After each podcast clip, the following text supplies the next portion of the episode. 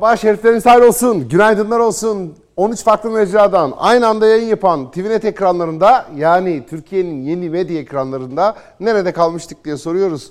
Bugün bir mübarek cuma sabahı, günümüz mübarek olsun, sabahımız aydın olsun, cumamız mübarek olsun. Harika bir gün, güzel kokular sürebiliriz, misvak kullanabiliriz. Bugünün önemli sünnetlerindendir misvak, güzel koku, beyaz giyinmek, Cuma'ya namazına biraz telaşlı adımla gitmek, infak etmek, sadaka vermek, bugün çocuklarla birlikte sadaka vermek. Cuma'nın en güzel sünnetlerinden biri. Hepsi güzel Cuma sünnetleri ama bugün bir tanesini ön plana çıkartalım.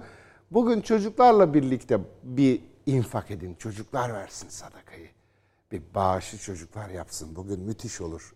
Bugün infak günü, bugün paylaşma günü, bugün mutlu olma günü. Bugün güzellikleri paylaşma günü. Bugün çünkü cuma günü. Çok güzel olacak. Güzel bir e, inşallah güzel bir gelecek bekliyor memleketimizi.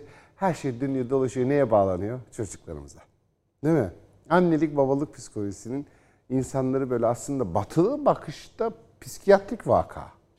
Evet anlayamıyorlar. Onu onu kavrayamıyor. O diyor böyle olmaz diyor. Mantıklı, haklı açıklamaları da var. Ne o? Bizim hepimizin ağzında bir laf var ya. Tamam işte bundan sonra bizden geçti. Biz çocuklarımız için falan diyoruz ya hani. Hep böyle kendi çocuk. Bir kendi çocuğu için çalışan baba anne kendi çocuğunun geleceği için yani bizden geçti artık benim çocuklarım. Bundan sonra ben zaten kendi hayatımı çocuklarım için feda ettim diyen bir anne aslında sadece kendi çocuğu için değil, bütün çocuklar için kendini feda etmiş oluyor. Bu bizim toplumsal anlayışımız. Bu çok normal bir laf. Hepimizin ağzında var ya hani. Tamam bunu mesela hemen Edirne'nin ötesine gidelim mesela bir nereye? Bir İngiltere'ye gidin Londra'ya. Bir aile danışmanı, bir psikiyatrın karşısına oturun. Deyin ki benden geçti. Bundan sonra her şey çocuklarım için deyin. Size deli muamelesi yapar. Olur mu öyle şey der yani. Bu bir hastalık onlara göre. Ama bizde analık babalık tarifi. Bu müthiş bir şey. Kendimizi gelecek nesil için vazgeçiyoruz kendi hayatımızdan, bir sürü şeyimizden. E bir de şartlar, günün şartları bir de mecbur da bırakıyor. Hadi ben şimdi kendimi düşüneyim de o oğlanı düşünmeyeyim. Ne olur? Olmaz ki. Öyle analık babalık olmazın ötesinde hayat da yürümez. Şartlar da öyle Türkiye'de. Dolayısıyla böyle bir dünya. İşte bu çocukları düşünmek, geleceği düşünmek ne biliyor musunuz? Klasik e, üstünü örttüm, karnını doyurdum, daha ne yapayımın ötesinde onları sevmek, sevmekle birlikte onların yaşayacağı gelecekle ilgili bugünden tohumlar atabilmek.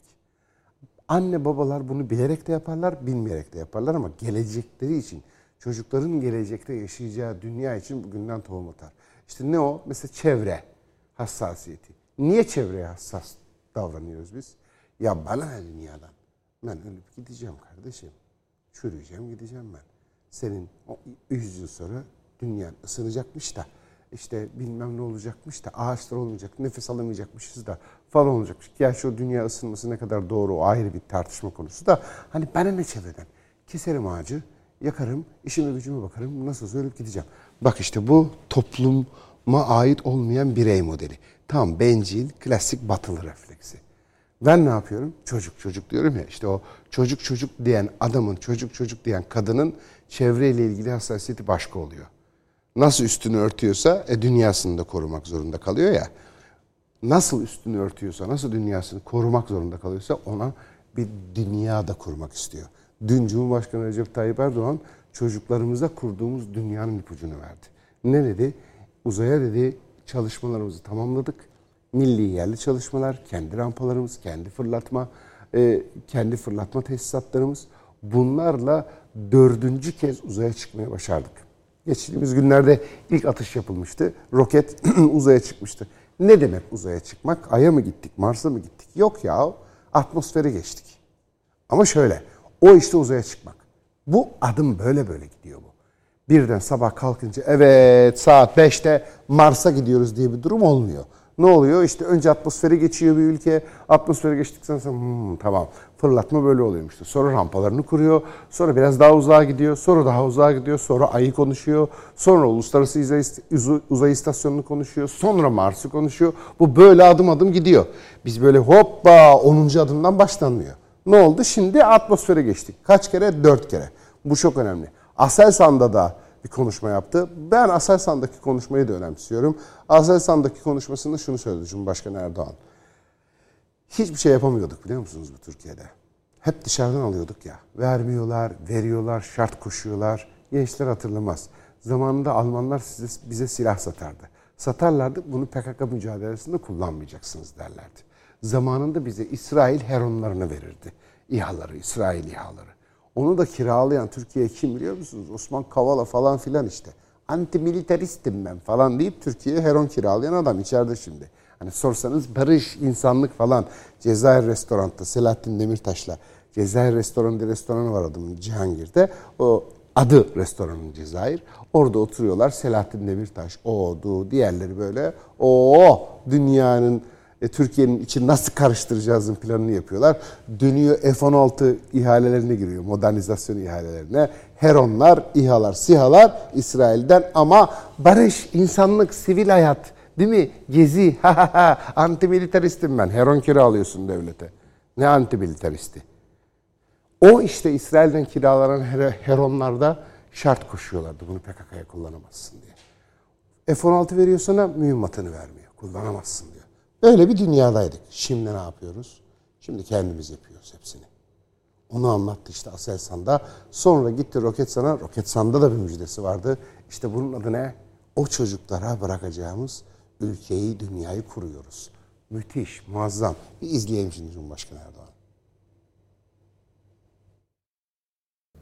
Kendi üretebileceğimiz ürünlerin yurt dışından tedarik edilmesine asla tahammülümüz yoktur. Cumhurbaşkanı Erdoğan Aselsan'ın yeni tesislerinin açılışında konuştu. Türkiye artık tedarikçilerin çıkardığı tüm zorlukları kendi gücüyle aşabilen bir ülke dedi. Hükümete geldiğimizde öncelik verdiğimiz alanlardan birini de savunma sanayinin güçlendirilmesi olarak belirledik.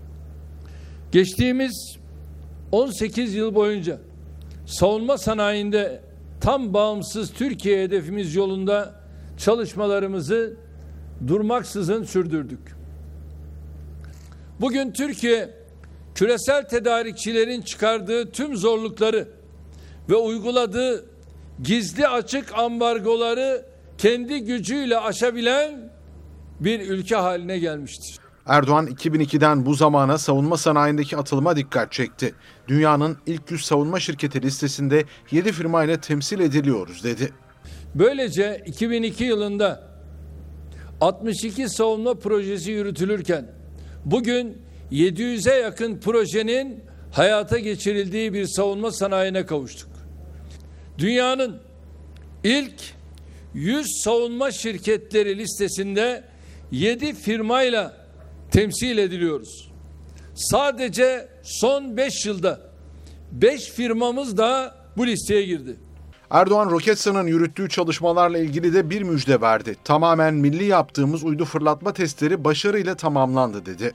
Ve artık uzay liginde olduğumuzu söylemiştik. Uzayın karanlığını milli teknolojimiz ve mühendislik kabiliyetimizle 29 Ekim Cumhuriyet Bayramı'nda bir kez daha aydınlattığımızın müjdesini de buradan sizlerle paylaşmak istiyorum. Tamamen milli ve yerli mühendislik kabiliyetlerimizle yaptığımız uydu fırlatma testleri başarıyla tamamlandı. Bu testlerde dört kere daha uzaya ulaştık.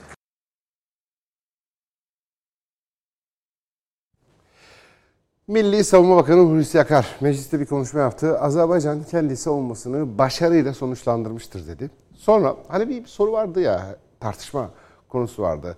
Türkiye o işin içinde mi değil mi? Türkiye o işin içinde neresinde? Türk askeri, Rus askeri var da Türk askeri yok mu? Varsa Türk askeri nerede? Hadi canım zafer diyorsunuz ama bu bir hezimet. Kaybettik. Hani nerede? Bir sürü şey. Yani tam tersi. Sadece Ermenistan'a baksalar sonucun ne olduğunu görecekler. Paşinyan yok oldu. Adam itiraf etti. Bir güya Karabağ'da başkan vardı falan diye böyle bir adam bağımsızım ben falan diye. O itiraf etti. Ya kuşatılmıştık biz kaybettik çekiliyoruz. Bunların hepsini yok sayıyorlar. Hani Türkiye nerede? İşte yoksunuz, hezimet, he, kaybettiniz falan diye böyle bir tayfa var ya aramızda. Her şey için dolaşıyor böyle.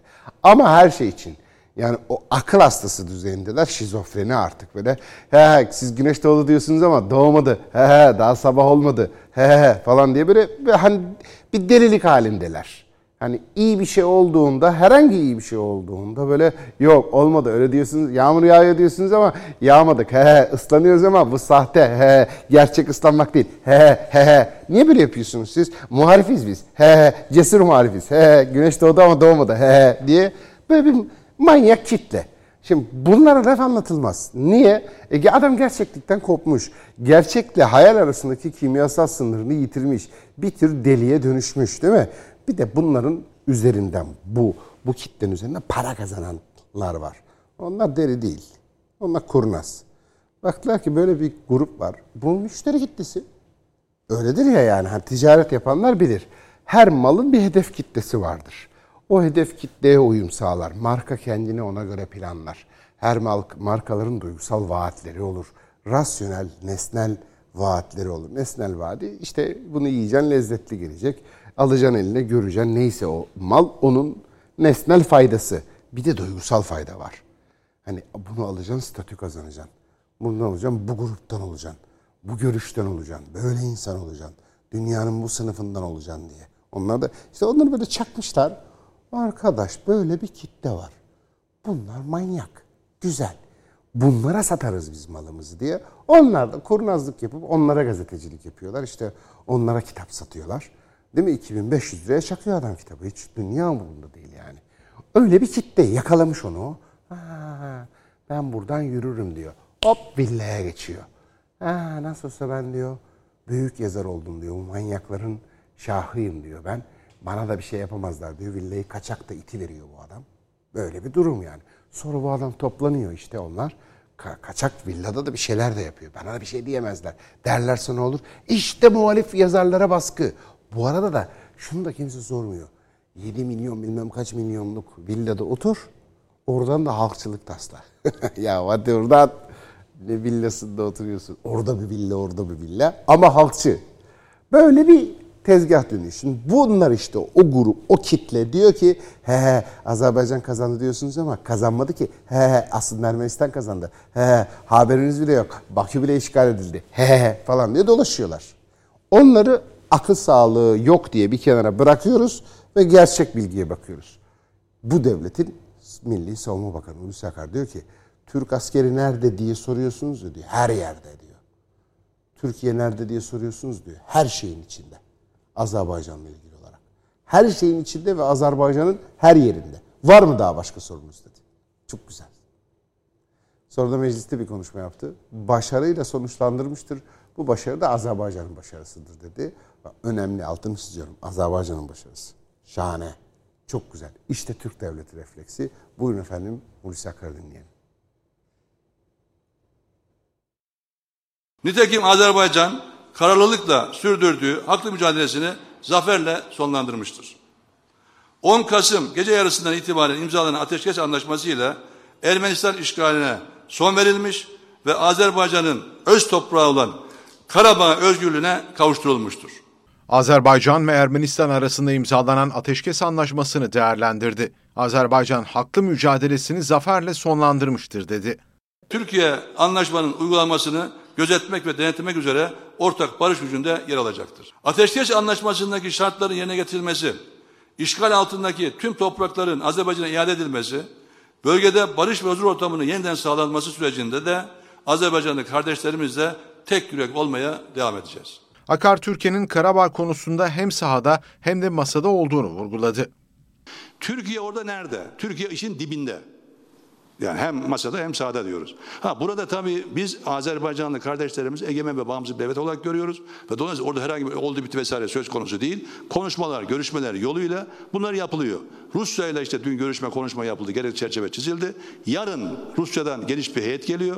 Arkadaşlarımız taktik ve teknik olarak kim ne duracak, kaç kişi olacak, ne yapacak, ne edecek bunlar yapılacak. Mecliste Plan ve Bütçe Komisyonu'nda Milli Savunma Bakanlığı'nın 2021 yılı bütçe görüşmelerine başlandı. Komisyonda sunum yapan Bakan Hulusi Akar, Doğu Akdeniz ve Ege'deki gelişmelere ilişkinde önemli mesajlar verdi. Ön koşulsuz her türlü görüşmeye hazırız.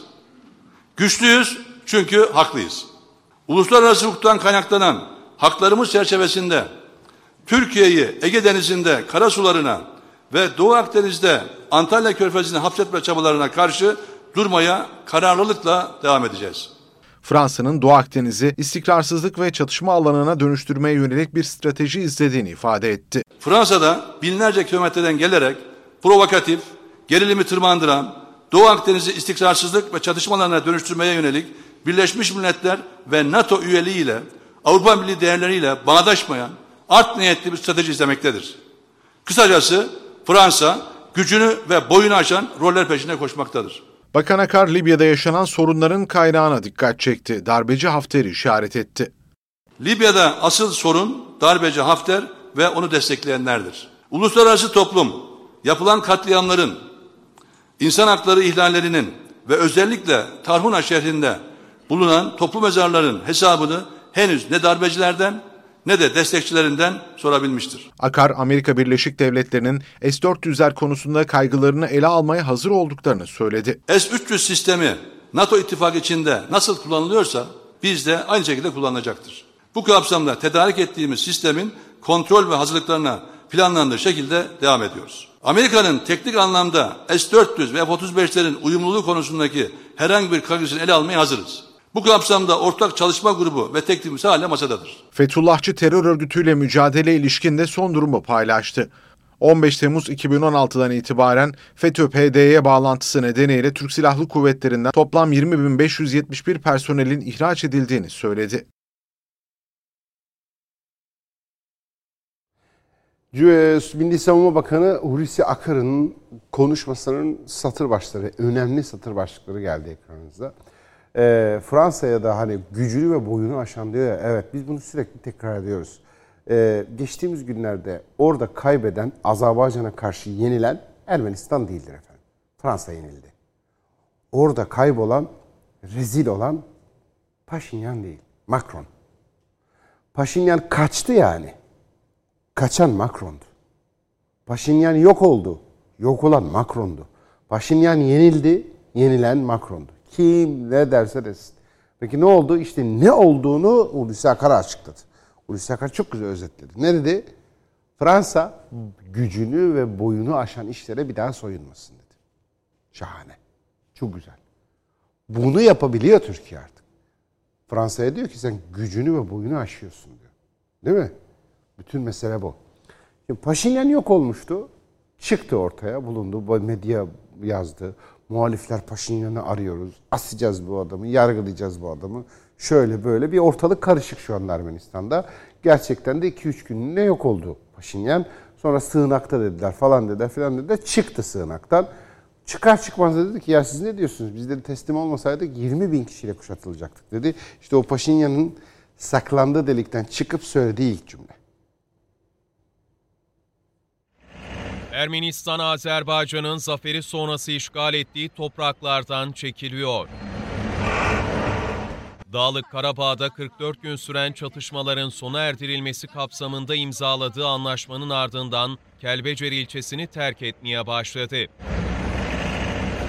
Eşyalarını araçlarına yükleyen Ermenilerin çoğu Kelbecer'den ayrıldı. Ermeni milisler de ilçeyi terk etti. Anlaşmanın 6. maddesi uyarınca Ermenistan'a 15 Kasım'a kadar Kelbecer'i, 1 Aralık'a kadar Laçin'i terk etmesi için süre verildi.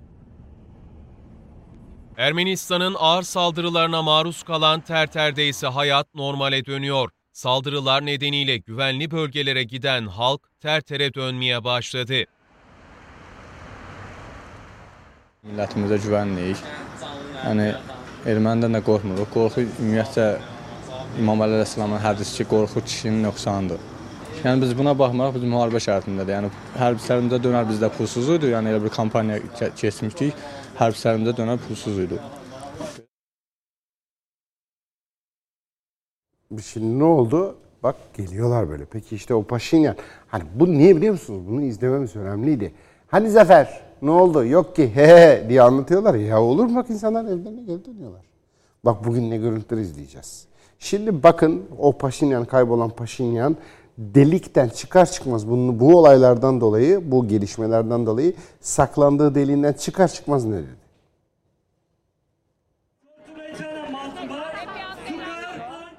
Ermenistan sokaklarında öfke, parlamentoda kaos var. Başbakan Nikol Paşinyansa ortada yok. ամբողջ հարավային Կովկասը Azerbaycan'ın demir yumrukla Karabağ işgalcilerden temizlemesi Ermenistan Başbakanı Paşinyan'ın koltuğunu sallıyor. Paşinyan, siyasi krize neden olan ateşkes anlaşmasından sonra ortalıktan kayboldu. Azerbaycan hezimeti sonrası Ermenistan sokakları göstericilerin merkezine dönüşürken Başbakan Paşinyan'ın Savunma Bakanlığı'nın idari binasında saklandığı iddia ediliyor. Ermeni basınında yer alan iddiaların biri de Paşinyan'ın kendini güvende hissettiği bir sığınakta saklandığı yönünde. Anlaşma öncesi askeri tatbikatlarda yer alan ve buna dair fotoğrafları medyada geniş yer bulan Paşinyan'ın eşi Anna Hagopyan'ın da sırra kadem basması dikkat çekiyor Nikol Paşinyan. За 100 лет истории Армении Başbakan iki kızı Maryam ve Şuşa'nın da bir süre önce Erivan'dan ayrılarak Kanada'ya gittiği iddialar arasında. Şuşa'da yaşanan çatışmada yer alan eski Ermenistan Savunma Bakanı Seyran Ohanyan'ın da ülkeden kaçarak Almanya'ya gittiği ifade ediliyor. Ermenistan, Karabağ'da alınan başarısız sonuca ilişkin protesto gösterilerine sahne oluyor. Yaklaşık 30 bin kişinin toplandığı gösterilerde arbede yaşandı. Polisin müdahalesiyle 130 kadar protestocu gözaltına alındı. Paşinyan'ın istifasını isteyen Ermenistan muhalefeti, başkent Erivan'da meydanları doldururken partiler de Paşinyan'ın istifası için ultimatom verdi.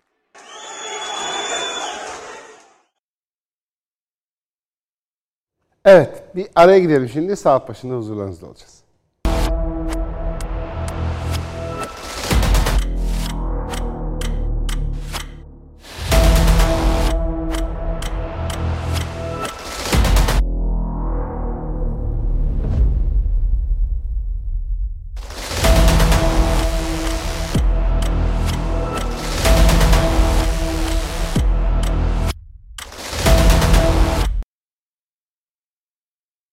Saat başında yeniden huzurlarınızda devam ediyoruz efendim. Koronavirüsle ilgili gündemimize bir bakalım. Koronavirüsle ilgili konuşmamız gereken meselelerden biri de ne biliyor musunuz? Hastaneler, yoğun bakım üniteleri, solunum cihazları, ilaçlar, aşılar. Ya bunların bazısında belirti oluyor, bazısında belirti olmuyor. Bak bir arkadaşımız Allah e, Allah şifa versin. E, bir abimizin oğlu, o abimiz de hasta şu anda. E, Ahmet Kekeç. Çok hasta. Allah şifa versin. Dua ediyoruz ona. Kanseri yendi. iyileşti. Allah şifasını verdi. Bu sefer de korona oldu Ahmet abi. Dua ediyoruz. Ahmet abinin de bir sözü vardır. Hani Ahmet abiye yandaş dediklerinde Ahmet abi diyor ki çok güzel. Oğlu var e, Ahmet abinin. E, Kekeç, Mehmet Kekeç diyor ki yani babasının sözünü aktarıyor. Yandaş diyorlarmış Ahmet Kekeç'e. Valla ben diyor AK Parti 20 yıldır var. Ben 30 yıldır aynı şeyleri söylüyorum. Olsa olsa AK Parti benim yandaşım olur diyor. Çok güzel. Ee, Ahmet abi Allah şifa versin. Şimdi onun oğlu e, e, Mehmet şeyi açıkladı Twitter'dan, sosyal medyadan. Kendi söylediği için bunu söylemekte mahsur yok. Ben dedi hasta oldum, pozitif çıktı. Ama dedi mutlaka etrafından yakınları test olanlar ikişer defa test olsunlar. Niye? Şimdi Ahmet abi hasta oluyor, korona oluyor. Ee, oğlu test oluyor, negatif çıkıyor. Allah Allah, aynı evde yaşıyoruz. Babam hasta, aynı sofrada yemek yiyoruz diyor. Aynı odada oturuyoruz, aynı salonda oturuyoruz. Babam hasta, ben değilim. Nasıl olabilir böyle bir şey? Üç gün sonra bir daha test oldum, pozitif çıktım diyor. Şimdi bunların hepsini konuş konuşmamız gerekiyor. Ya bu belirti meselesi. Fakat bir sorumsuzluk da var bakın. Ben bir tarafıyla da şunu konuşmamız lazım. Apartman komple hasta. Benim akrabamın. Söylememişler hasta olduklarını bütün apartmana bulaştırmışlar birkaç aile. Bak şimdi böyle şeyler oluyor biliyor musunuz Türkiye'de? Apartmanda hasta var. Korona olmuş kadın, adam. Söylemiyor. Niye gizliyorsunuz hastalığı? ne olacak yani? Korona olmuş. Dışlanacak mısınız? Apartmandan mı atılacaksınız? Allah'ım ya Rabbim borsada hisseleri olan şirketin sahibi falan mısınız yani? Onlar bile söylüyor. Siz niye söylemiyorsunuz hasta olduğunuzu? Bütün apartmanı hastalığını gizleyen 2-3 kişi hasta ediyor. Herkesi hasta ediyorlar. Şimdi bunu konuşmayalım mı? Bak aşılar, komplolar bunun yerine bence bunu konuşmak lazım. Aramızda sorumsuz, bilinçsiz, şuursuz, bencil, kendini düşünemeyen, aklı tam çalışmayan bir grup insan var. Hasta oluyorlar ve hastalığını gizleyip başkalarına hastalık bulaştırıyorlar. Bak bu çok büyük vebal. Bence de hastalığı yayanlar da bunlar aslında. Bunlar yüzünden bütün dünyada var bu profilde insanlardan. Bu insanlar yüzünden bu hastalıkla başa çıkamıyoruz. Çünkü kendini korumuyor. Kendini korumadığı gibi bilerek isteyerek başkasına da hastalık bulaştırıyor. Niye? Hasta olduğunu gizliyor. Yahu sen hastasın. Niye gizliyorsun hastalığını? Böyle de bir durum var. Bunun üstüne de gitmemiz lazım. Bakın bu ihanettir. Bu vebaldir. Sıradan bir rezalet değildir bu.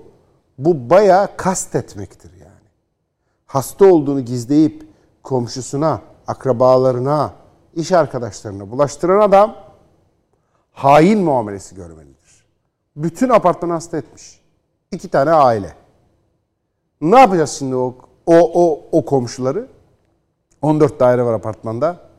O 14 daireli apartmanda iki daire hasta oluyor. Hasta olduğunu da gizliyor. Her şey de normal. Gidiyorlar, geliyorlar misafirliğe. Ka- Kapıda karşılaşıyorlar, konuşuyorlar. Bütün apartmana yaymış hastalığı. Evden bir kişiye verince evdekileri de hasta ediyor. O da eve gidince evdekileri de hasta ediyor. Hadi ne yapacağız şimdi bu iki komşuyu? Ya şu iki komşular yaydı Türkiye'de hastalığı. Doğruyu konuşmak lazım. Allah aşkına. Böyle de bir durum var. 2841 olduk bir günde. İşte bunlar yüzünden. 2841. Bir bakalım mı şimdi Türkiye'nin koronavirüs bilançosu? Koronavirüs tedbirlerine gerekli özenin gösterilmemesi vaka sayılarına yansıyor. Yeni hasta sayısı 3000'e yaklaştı. Türkiye'nin günlük koronavirüs tablosu açıklandı. Buna göre son 24 saatte 148.482 test yapıldı. 2841 yeni hasta tespit edildi. Toplam hasta sayısı ise 404.894 oldu. Ağır hasta sayısı ise 3230'a yükseldi. Günlük can kaybı da vakalarla birlikte artıyor. Tedavi görenlerden 88 kişi daha hayatını kaybetti. Toplam vefat sayısı 11.230'a yükseldi. Son 24 saatte 2181 kişi hastalığı yendi. Toplam iyileşen hasta sayısı 346.794 oldu. Sağlık Bakanı Fahrettin Koca Twitter hesabından yaptığı değerlendirmede artan vakalara dikkat çekti. Koca artan hasta sayısını düşürecek olan hareketliliği ve teması azaltarak tedbirlere beraberce uymaktır. Maskeyle virüs yükünü düşürelim ifadelerini kullandı.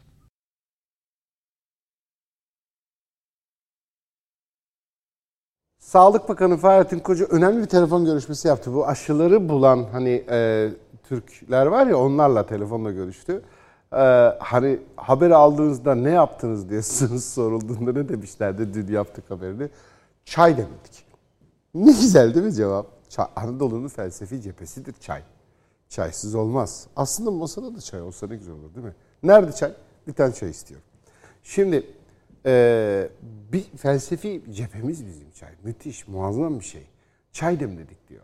Canlarım benim. İşte o bilim insanlarıyla görüştü. Sağlık Bakanı Fahrettin Koca.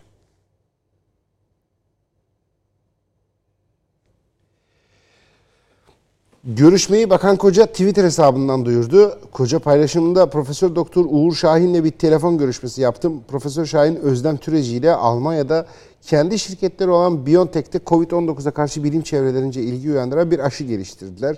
Görüşmede bu gelişmeyi ele aldık. Bakanlık olarak da süreçte iletişim halindeydik zaten dedi.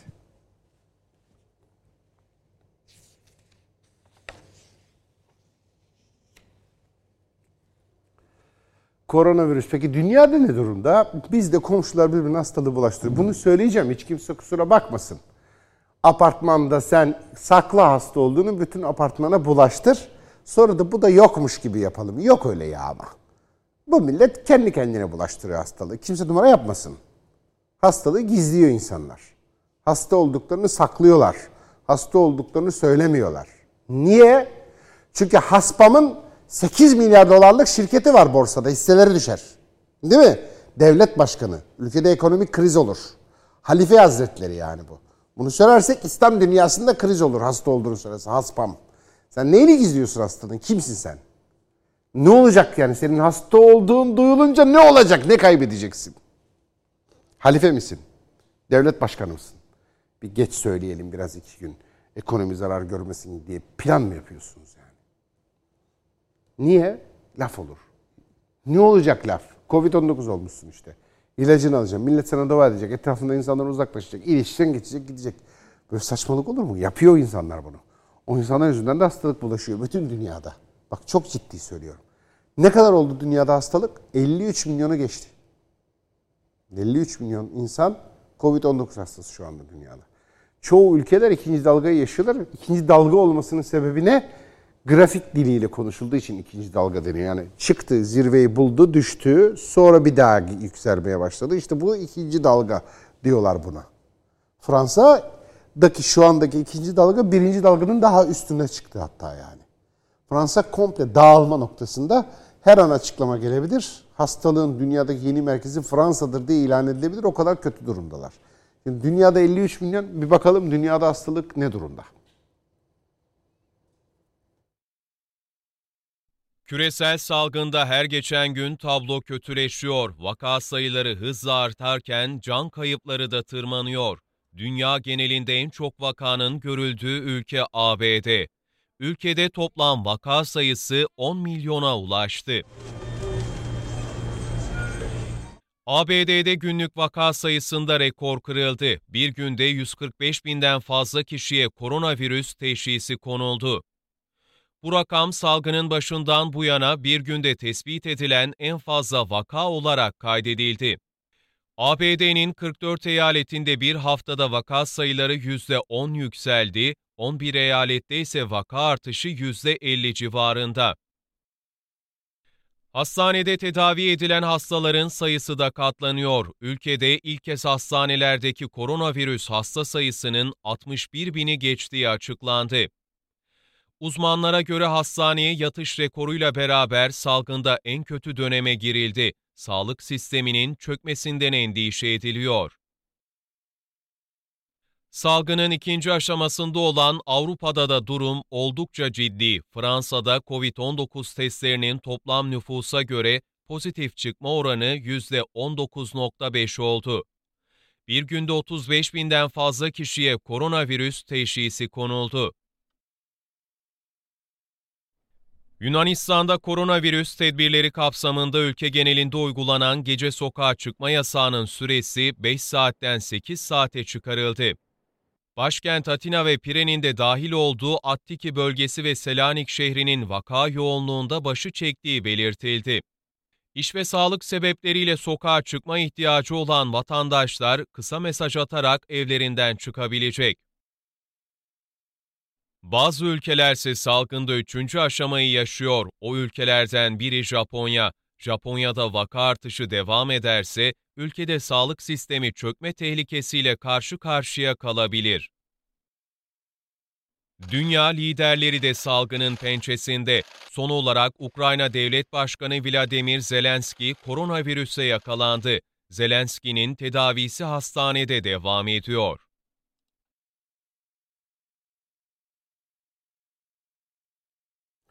Şimdi sizde bir fenalığı, bir kötülüğü, gerçekten organize bir kötülüğü paylaşmamı ister misiniz? Zeytinburnu Belediye Başkanı Ömer Arısoy. Ömer Arısoy iyi bir belediye başkanıdır. Hatta bir fotoğrafla gündeme gelmişti sosyal medyada hatırlar mısınız? Pazarda diz çökmüş. Birinin söylediği, vatandaşın söylediği şeyi not alıyordu. O öyle hani sosyal medya çalışması, hadi başkanım siz burada dizde çökün, biz de fotoğraf çekelim, bunu sosyal medyaya koyalım değil. Öylesine. Gerçekten öyle biri o. Öyle bir adam yani, öyle bir başkan. Ee, o fotoğrafı yani birisi hakikaten o fotoğrafı çekmeye kalksa mesela başkanın peşinde öyle fotoğraflar çekelim yayalım. Twitter doldururlar öyle fotoğrafla. Ee, sürekli öyle fotoğraf olur. Hep biriyle bir şey konuşurken, bir vatandaştan bir şey alırken, bir vatandaşın işinin peşinde koşarken, yani diz çökmüş falan vatandaşın karşısında numara o Ömer Arısoy için çok büyük şeyler değil bunlar. Ya çok özel bir kere yapılmış şeyler değil yani onu söylüyorum. Şimdi Dün bir konuşma yaptı Ömer Arısoy. Aman ya Rabbi. Ne büyük fenalık, ne büyük kötülük. Kitaplarla ilgili ve bunu Ömer Arısoy'un yapması da şey öz- önemli. Neden? Kitapların künyelerini kesmişler İBB'de. O kim yaptı bu kitapları? Niye? Daha önceki belediye başkanlarının o künyede o kitaplara emek verenlerin izini silecekler. İBB yapmış bunu. Bir sürü kitapta öyle. 3-5 bin, yani 2000, 3000 kitaptan bahsetmiyoruz yani. Çok kitapta bunu yapmış İBB. Niye yapıyor? Kendinden öncekinin izini silecek. Bu o kadar büyük kötülük ki. Bu o kadar büyük bir rezalet ki. Ya bu şu türden bir kötülük. Bakın açık söyleyeyim. Bunu CHP bile yapmaz. Diyeceğiniz kadar kötü bir şey. Bunu ancak böyle kibirli, kaba saba ve aklında bir takım sorunları olan toplamda 5 cümle ezberlemiş ve o 5 cümleyle tevazu şovları yapan e, kötü bir insan, kibirli bir insan yapabilirdi ve o yapmış. O yapmış hakikaten. O kadar büyük bir organize kötülük ki bu. Bunu CHP bile yapmaz diyeceğimiz bir kötülük. İçi acıya acıya anlattı Ömer Arısoy, Zeytinburnu Belediye Başkanı Ömer Arısoy bunu. Neden biliyor musunuz? Türkiye'de kitap, kültür, eğitim konularında en çok emek vermiş bir şu kadar adamı say deseniz listenin başlarında yer alır Ömer Arısoy. Çok ciddi emek veriyor. Zeytinburnu Belediyesi'nin kitaplığına, Zeytinburnu Belediyesi'nin kültür yayıncılığına bir bakın anlarsınız. İnanılmaz bir kültür yayıncılığı yapıyorlar. Su üzerine kitabı aldım mesela ben Zeytinburnu'nda. Su üzerine kitap kaç tane olabilir, ne olabilir? Bu kadar mı zevkli? Bitkiler, sular, tarih, kültür her konuda çok büyük bir kültür yayıncılığı yapıyor. O yüzden işte bu kadar büyük emek verildiği için Ömer Arasoy kendisi kitaba bu kadar büyük emek verdiği için mahvolmuş, kahrolmuş bir şekilde anlattı. Üzülerek anlatıyor. Maksat bunu yapana, kesene, o kibirliye, e, siyasi olarak laf sokmak değildi derdi. Ömer Arasoy'un konuşmasında anlıyorsunuz onu. Üzülmüş adam. Kahrolmuş. İşte o kimsenin aklına gelmeyecek organize kötülük. İBB bunu da yaptı. Kitapların künyelerini kesmişler ki kimin yazdığı, kimin hizmet ettiği, kimin katkı verdiği, kimin desteklediği belli olmasın diye. Kitaplar adreslerine varınca kavuşma sevinciyle kapaklarını çevirenler künye sayfalarının koparıldığını fark ettiler. CHP'li İstanbul Büyükşehir Belediyesi'nin kütüphanelere 200 bin kitap kampanyasında şimdiye kadar görülmemiş bir skandala imza atıldı. Kampanya kapsamında gönderilen kitaplarda eski İBB başkanlarının isimleri takdim ve künyenin yer aldığı ilk 15 sayfanın yırtıldığı ortaya çıktı. Zeytinburnu Belediye Başkanı Ömer Arısoy, İBB Meclisi'ndeki eski yönetimin izlerinin ve isimlerinin kitaplardan silinmesi üzerine soru önergesi verdi. Arısoy yaptığı konuşmada konuya değinerek tepkisini ortaya koydu. Falçatayla başlandığı, sonradan daha profesyonel davranılıp matbaa giyotiniyle devam ettiği anlaşılan bu kıyımın sebebi belli ki önceki dönemde kitapları hazırlayan, yayınlayan ve yeni yönetime emanet edenlerin isimlerini unutturmaktı. Arısoy verdiği soru önergesinde Ekrem İmamoğlu'na hitaben kitapların sayfalarını koparmak her şeyden önce size emanet edilen kültür mirasına saygısızlık anlamına gelmiyor mu ifadelerini kullandı. Yönetiminizin geçmiş başarıları silmek ve hakikati saklamak üzere bir sansür politikası benimsediğini görenler bundan sonra size ve sözlerinize güvenebilirler mi? Kitaplarla birlikte gönderdiğiniz Nutuk kitabının da künye sayfalarını kopartmayı düşünebilir misiniz? Sizden sonra gelenler bu kitaptan isminizi çıkarsalardı ne hissederdiniz? Çok büyük kayıp değil mi? Bu bir alışkanlık. Ben devrim yaptım. E, hissi kibri sebep oluyor buna. Çünkü devrimlerin özelliği ne? Bir devrim yapıyorsanız kendinden öncekinizi siliyorsunuz, yok ediyorsunuz ve kötülüyorsunuz. Bunun rasyonel, anlaşılabilir sebepleri de var. Çünkü eğer devrim yaptıktan sonra kendinizden önceki devrimi yapanlar bir önceki yönetim sistemi hakkında kötü bir şey söylemezler. Hatta onu överlerse falan bu da şu konuda da iyiymiş derlerse ne olur? İnsanlar sonra madem iyiydi niye devrim yaptın? Madem iyiydi niye yıktın? diye sorulur. İşte madem iyiydi niye devrim yaptın? Madem iyiydi niye yıktın diye sorulmasın diye. Bir de e, yeni devrim gerçekten yeni sistem, devrimden sonra gelen sistem tam olarak köklü olarak kurulabilsin diye tercih edilen yöntemlerden biri şudur dünyada da. Kendinden öncekinin izlerini silersin. Kendinden öncekini yok kabul edersin. Kendinden öncekini iftira edersin. Cumhuriyet devriminin de Osmanlı'ya bakışının altında bu rasyonel sebep vardır ve bu haklı ve anlaşılabilirdir. Osmanlı tukakadır. İlk yıllarında Cumhuriyet'in Osmanlı'ya hakaret edilmiştir, iftira edilmiştir, hiç olmayan şeyler söylenmiştir. Yıl olmuş 2020 halen daha Cumhuriyet'in ilk yıllarında devrimi koruyacağız diye, devrimi öne çıkartacağız, devrimi sağlamlaştıracağız diyen bazı insanların Osmanlı ile ilgili ettiği iftiraların izleri halen daha bugün bile devam etmektedir. Gerçek tarihle mücadele ediliyor onlarla ama izler yok da değil Osmanlı'ya edilen iftiralar. Niye işte? Hani ben Cumhuriyeti sağlamlaştıracağım motivasyonu. Şimdi İBB'de de aynı şey var. Benden önceki iyi şeyleri yıkın. Benden önce iyi şeyleri e, silin. Sadece beni övsünler. Sadece beni sevsinler. Ben İstanbul'un ilk belediye başkanıyım. Benden önce hiç kimse yoktu. İstanbul'u ben kurdum. Fatih Sultan Mehmet var. Sonra ben geliyorum. Kibri yaptırıyor bütün bunları. Bu çok tehlikeli bir kibir. Ve e, kibir zehri öyle bir zehir ki sahibini eritiyor önce. Kibir ırkçılık ve kibirin ortak özelliği odur. Kim kibirliyse, kim ırkçıysa sadece kendisini eritiyor. Sadece kendisini hasta ediyor. Karşımızda bir süre sonra bu kadar kibirin altında ezilip bu kadar e, kibirin altında paramparça olduktan sonra karşımızda bir süre sonra savrulan, öfkesini kontrol edemeyen insanlar görebiliriz yani Allah korusun. Yeni Şafak gazetesiyle başlayalım. Yeni Şafak gazetesinin manşeti diyor ki savunmada uzay çağı. Çok güzel. Dört kere çıktı şu ana kadar roket. Dört. Hadi be siz yapamazsınız. Roket kimsiz kimsiniz. Çıktı bir kere. Ha, o bir kere olur. İkinciyi yapamazsın. İki. Tamam işte ikiyi yaptın. Tamam bak üçü de yaptık. E işte üç bitti bu kadar. E dört geldi. E ne dersen de o zaten öyle olacak. Mutsuz olmakla lanetlenmişler. Olamazlar. Bu ülkeyi sevemezler. Kalpleri kararmış. Gitmiş kalp yok, gönül yok, aidiyet yok. Bu bayrakla ilişkisi yok. Bu, bu milletle ilişkisi yok. Çürümüş gitmiş. İyi bir şeye sevinemez. Çünkü niye? Mutsuz olmakla lanetlenmişler. Her ne olursa olsun mutsuz olacaklar. Böyle mutsuz, umutsuz, karanlık öyle gidecekler bir dünyadan. Ne acı. Yapmayın Allah aşkına ya. Valla kendinize de yazık, çevrenize de yazık. Allah aşkına ya. Bak çok samimi kalpten söylüyorum. Allah rızası için. Bak yazık ediyorsunuz kendinize. İyi şeyler de var, kötü şeyler de var. Doğru düzgün kötüleri kötü gibi konuşalım. iyileri iyi gibi konuşalım. Allah aşkına kırın şu laneti üzerinizden ya. Yeni Şafak. Yani memleketimin insanı yani bir taraftan. Savunmada uzay çağı. Diyor ki 30 Ağustos'ta ilk uzay denemelerine başlayacağını duyuran Cumhurbaşkanı Erdoğan dün müjdeyi verdi. Tamamen milli ve yerli mühendislik kabiliyetlerimizle yaptığımız uydu fırlatma testleri başarıyla tamamlandı. Dört kere daha uzaya ulaştık diyor Cumhurbaşkanı Erdoğan.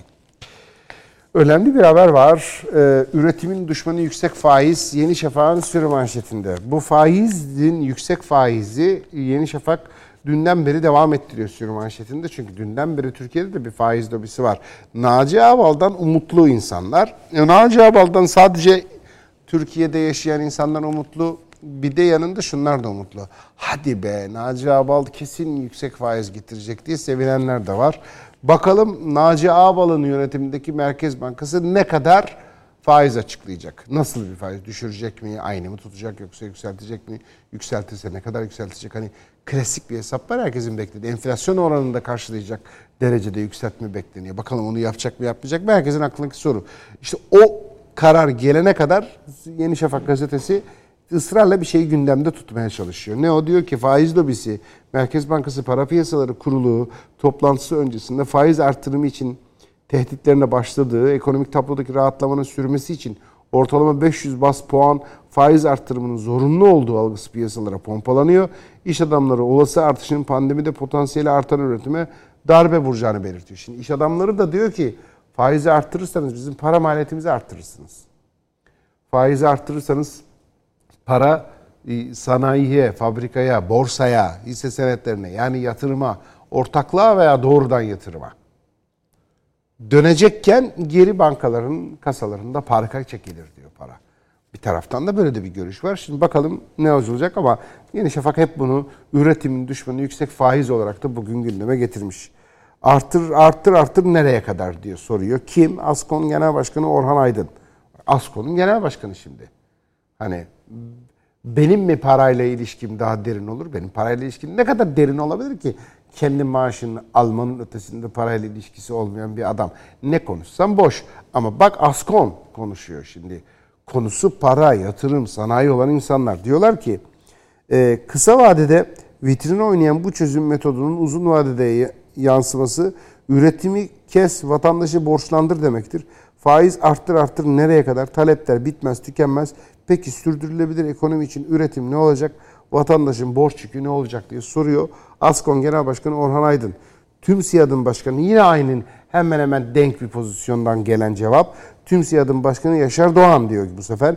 Yüksek faizle alakalı baskılar olduğunu biz de duyuyoruz. Maliyet ne kadar yukarı çıkarsa dolaylı yoldan içeride de fiyat artışı olacak. Hiçbir zaman faizle ilgili artış tasvip etmiyoruz. Şu an faiz oranlarının geldiği nokta çok yüksek. Faizlerin düşmesi lazım diyor. Şimdi ben ekonomistim, faizlerin yükselmesi lazım diyen adamın karşısına tamam sen ekonomistsin ama hani senin üzerine ahkam kestiğin ekonominin içinde o ekonomiyi üreten adam benim, sanayiciyim ben. Bende 3000 kişi çalışıyor.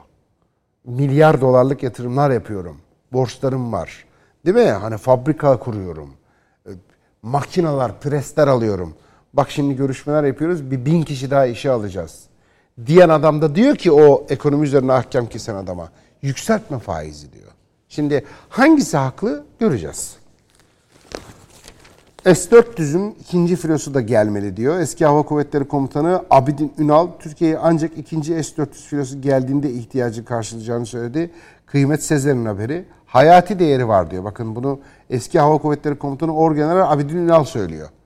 S-400'lerin diyor ikincisi de gelsin. Bunların hayati önemi var diyor. Kıymet Sezer'in haberi bugün Yeni Şafak'ta. Zaten Hulusi Akar, Savunma Bakanı Hulusi Akar da ne dedi? S-300 çalışıyor da S-400 niye çalışamayacakmış dedi. Öyle. Varsa diyor bir teknik kaygınız gelin görüşelim hemen diyor grupları kuralım. Halledelim diyor Savunma Bakanı. Kesin açıklama yaptı yani.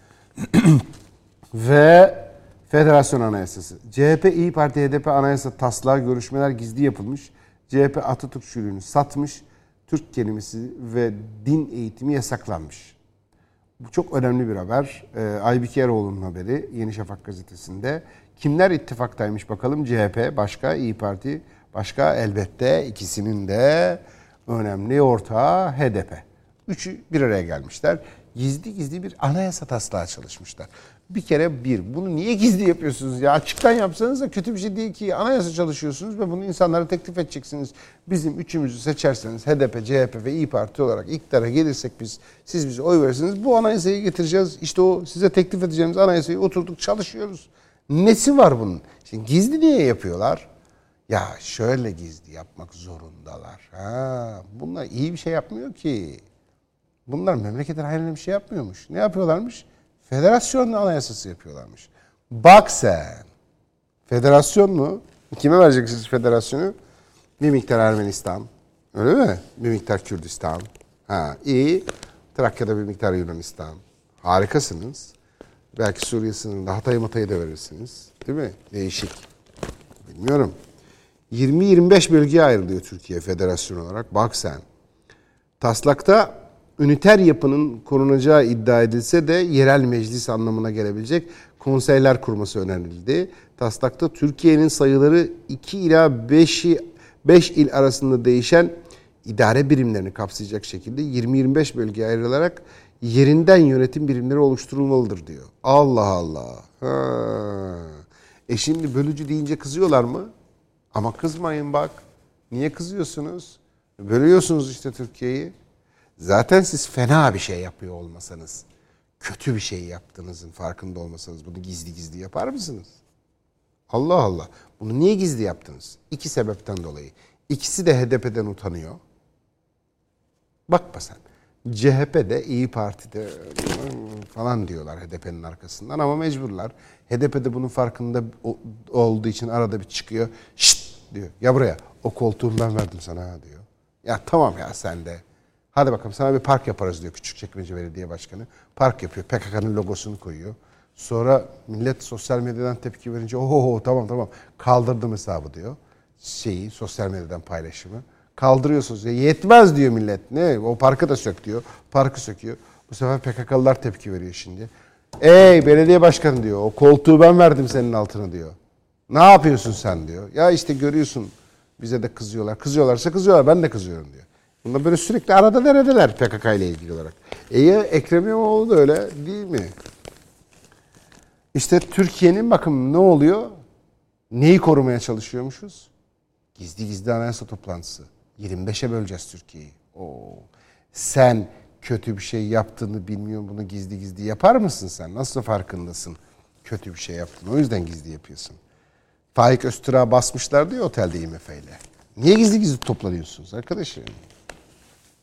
Hep böyle gizli, hep böyle bir şey. Hep böyle bir gizli işler yani. Karada, karada, havada, uzayda haberi de çok önemli. Dünkü gelişmelere bakıyoruz. Sabah gazetesine geçiyoruz şimdi. Karada, havada, uzayda haberi de hakikaten kritik Türkiye için gelişmeydi. Evet, Sabah gazetesine bakalım şimdi. Savunma sanayimiz küresel dev oldu diyor. Aselsan yeni sistemlerini tanıttı ve tesislerin açılış töreninde konuştu. Elektronik harpte bakın bunları okumamız lazım. Bakın. Diyor ki Cumhurbaşkanı Erdoğan, "E, elektronik harpte bizde çok büyük güç katacak.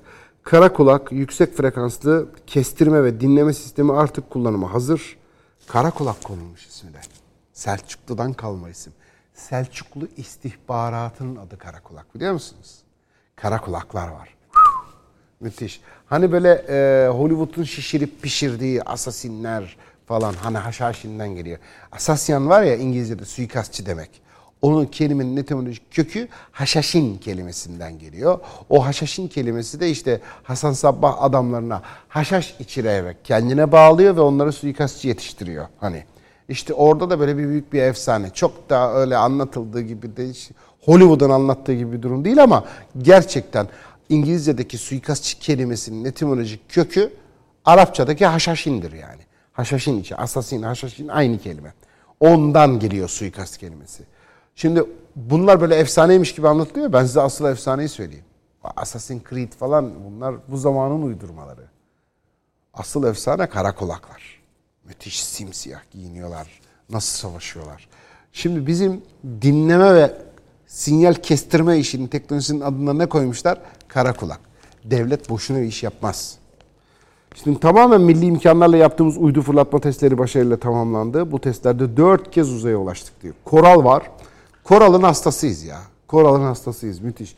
Elektronik harf sistemlerinde daha gelişmiş, daha ürün ka- e, kabiliyetlerine sahip olan yeni versiyonunu başlatıyoruz diyor. Bir de onun yenisi geliyor. Koral nasıl? Bir tırda antenlerini kaldırıyor. Bir koyuyor sinyali. Çat! Telefon yok, internet yok, telsiz yok. Kesti bütün haberleşmeyi. Nasıl? Koral ben biz Koral'a ne oldu ya dedik. Sınır bölgesinde haber yapıyorduk. Küt diye gitti 3G yayın. Her şey gitti. Ne telefon çekiyor ne telsiz. Ne oldu ya? Bir küçük bir operasyonumuz var dediler de askerler. Bitecek birazdan dediler. Bir koyuyor tak diye her şeyi kesiyor Koral. Allah bölgede kimsenin telefonu çalışmıyor. Ne telefon ne telsiz ne internet bir şey yok. Dumanla anlaşırsın. Koral'ın olduğu yerde yani. Ve dünyanın ilk 100 sayımına şi- e, savunma şirketinin listesini 7 firmayla temsil ediyoruz. Sadece son 5 yılda 5 firmamız bu listeye girdi diyor Cumhurbaşkanı Erdoğan. Gerçekten bu böyle. E, bunlar ne oluyor biliyor musunuz? Bakın ben size bir video izletebilir miyim Azerbaycan'dan? Şimdi biz böyle yapıyoruz. Gidiyoruz. Azerbaycan'da zafer kazanıyoruz yani bizim SİHA'lar, İHA'lar, askeri teknolojilerimiz daha neler nelerle destekledik biz orada Azerbaycan'ı. Bakma konuşmuyoruz ayrıntı gereksiz açık istihbarat sağlamayalım. Gavurun ağzına sakız vermeyelim diye. Müthiş işler yapıldı. Şimdi onların sonucunda hani siz zafer mi kazandınız, ne kazandınız diye soranlara bir cevap gelen video var. Ee, evini terk etmek zorunda kalan bir insan yıllar sonra o küçücükken terk ettiği evinin yıllar sonra kendi evinin Ermenilerin boşalttığı kendi evini video, video bağlantı üzerinden telefon üzerinden izleyince nasıl ağlıyor bir izleyelim mi? Bak işte o bu şeyler, Aselsanlar falan neyi başarmışlar? O kadının sevinç gözyaşlarını bir görelim. Evini görüyor. Evini ta çocuklukundaki evini görünce ne hale geliyor? Nasıl ağlıyor bir izleyelim.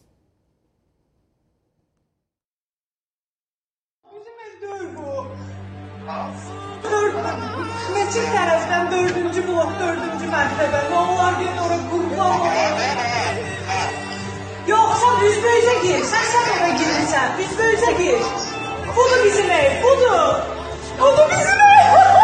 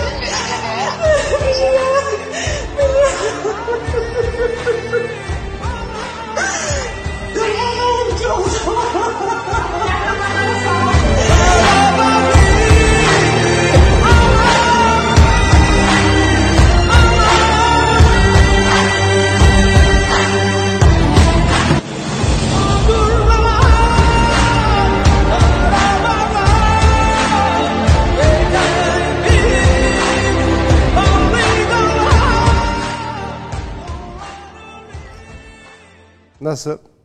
28 yıl önce terk edilmek zorunda kaldığı, sürüldüğü, evlerinden olduğu insan çocukken ayrılmış oradan hatırlıyor. 7-8 yaşlarındayken o evden ayrılmış. Evini görünce nasıl ağladı? Kim? Aselsan. Roketsan. Değil mi? TB2'ler. Bak işte bu, bu yüzden önemli. Senin Aselsan'ın olmasa, senin Roketsan'ın olmasa, senin TB2'lerin, bayraktarların olmasa, senin sağlam duran siyasi iraden olmasa bu sonuç alınabilir mi? Alınamaz. Mümkün değil. Önceden de alınamıyordu. Bak mesela şimdi e, Vahap, Vahap Söz Tutan bizim programımızın editörü. Bu programı birlikte hazırlıyoruz. Bir haber hazırladı 1993'ten. Getirin o haberi. 93'te Özal ne demiş biliyor musunuz?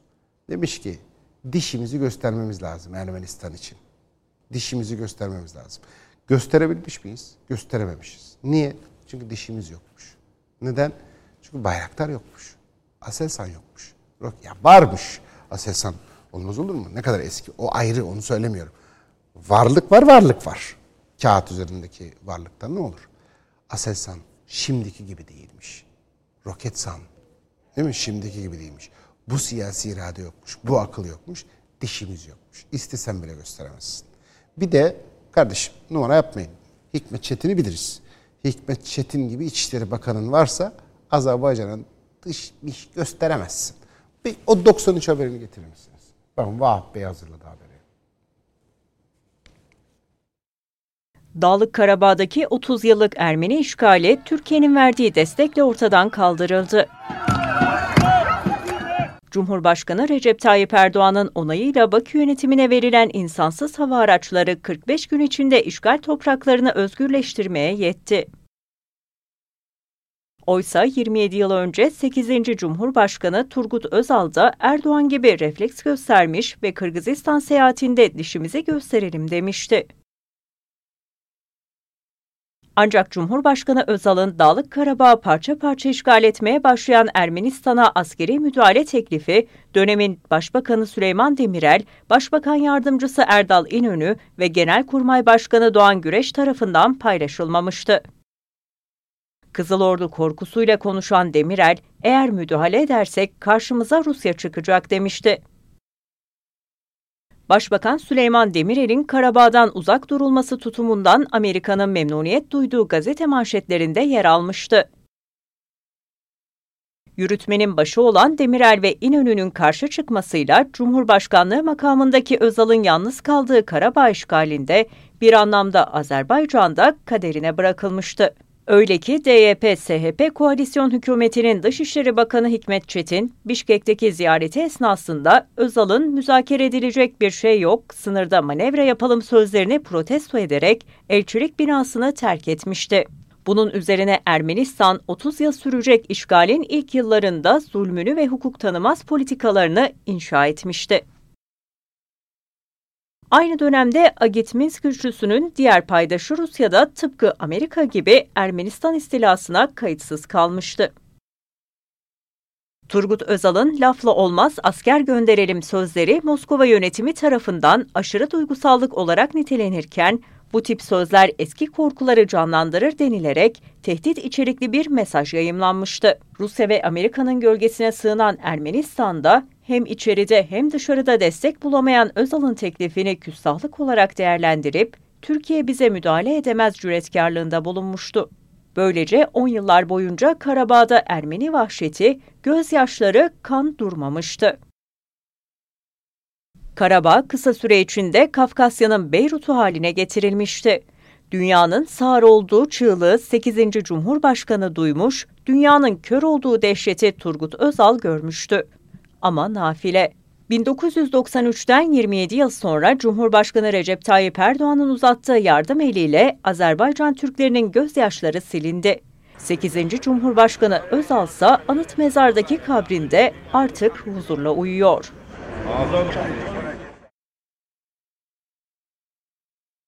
Ne acı, ne acı, ne acı.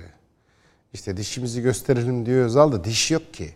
O yüzden önemli bugün bu Aselsan, Roketsan haberleri, Bayraktar haberleri, akıllı mühimmat haberleri, bak siyasi irade, bak koalisyon hükümetinin zıkkımlı tarafı, koalisyon hükümeti. Diyor ki dişimizi gösterelim. Özal'ın cümlesi de aynen şu. Diyor ki müzakere edilecek bir şey kalmadı. Biz diyor dişimizi gösterelim. Hikmet Çetin var senin Dışişleri Bakanı. Koalisyondan gelmiş. Bişkek'te dış gezide senin Cumhurbaşkanın böyle söylüyor. Dışişleri Cumhurbaşkanı diyor ki dişimizi gösterelim. Hikmet Çetin Bişkek'te toplantıyı terk ediyor. Şey mi olurdu ya? Ne dişimizi göstereceğiz diyor. Çıkıyor gidiyor. Turgut Özal'ın eşi Semra Hanım, Semra Özal, Hikmet Bey nereye gidiyorsunuz diye arkasından sorunca hiç konuşmuyor. Çıkıyor gidiyor. Hadi göster dişini. Diş yok ki. Ne göstereceğim? Şimdi hani zamanı var, zamanı var derdi. Kadir Üstad, Kadir Mısıroğlu. Bu zamanı bu işte. 4 yaşında çocuğun tokat vurmasıyla 25 yaşında delikanlının tokat vurması bir mi? Bak şimdi Türkiye 25 yaşında delikanlı. Vurdu mu alıyor aşağı. Ama Özal canın iyiyim yani. Allah rahmet eylesin. Yapayalnız bir adammış. Ya önemli. Hadi bakalım şimdi günün ekonomi notlarına bir göz gezdirelim. Halkbank ekonomi notlarını sunar. Halk ister Halkbank yapar Halkbank.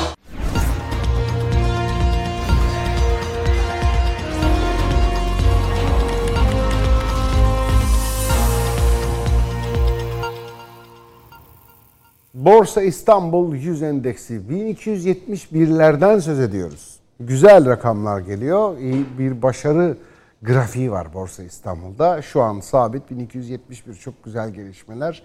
Yakında Türkiye'de işte EFT saati uygulaması da kalkınca hani artık 5'ten sonra da para gönder hatta 7-24 gibi bir sistemle 24 saat para gönderme sistemine geçilince iyice daha da yükseleceği düşünülüyor borsanın. Şu anda çok ciddi bir başarı var. Dolara bakıyoruz 7.68. Şimdi 8.58'lerden 7.20'lere kadar gerilemişti. Şimdi tekrar 7.68'leri görmeye başlamış anlık düşüş. Şimdi bu böyle bir düştü tekrar geri şu yüksek tansiyon faiz zorlaması olarak okunuyor. Piyasa diyor ki işte bir şekilde sermaye faiz faiz bak yükseltirim faiz falan gibi bir durum var. E, o hissediliyor hemen. 7.68 olmuş şu anda. Anlık olarak da düşüşte ama dolar. 9.07 olarak görüyoruz Euro'yu. O da düşüş gösteriyor. Ve altın 538 lira olmuştu. Gram altın Türkiye'de. Bayağı bir gerilemişti. O gerilemeden sonra 460'lara kadar düşmüştü. Şimdi yeniden 464,66'ya kadar yükselmiş. Güne böyle başladı. Haftanın son gününe yükselme trendi de gösteriyor. Halkbank ekonomi notlarını sundu. Halk ister Halkbank yapar Halkbank. Bir ara verelim efendim. Aranın ardından saat başında yeniden huzurlarınızda olacağız.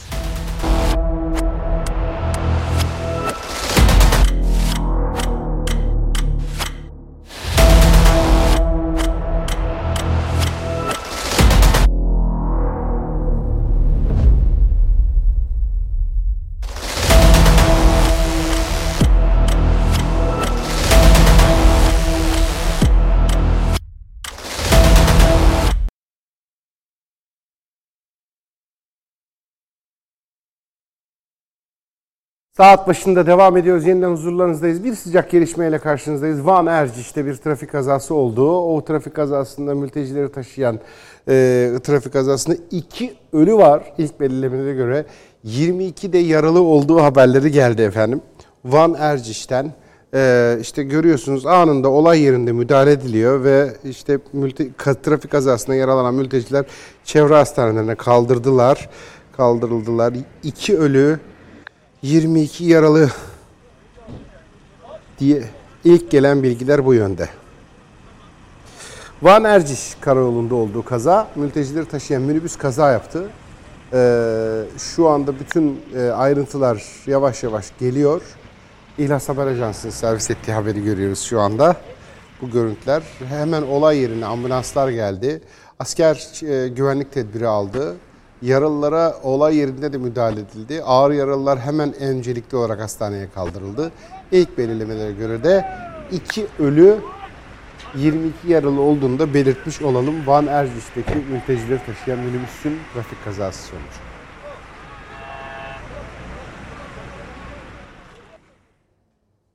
Ve şimdi dün Cumhurbaşkanı Recep Tayyip Erdoğan bir konuşma yaptı Aselsan'da.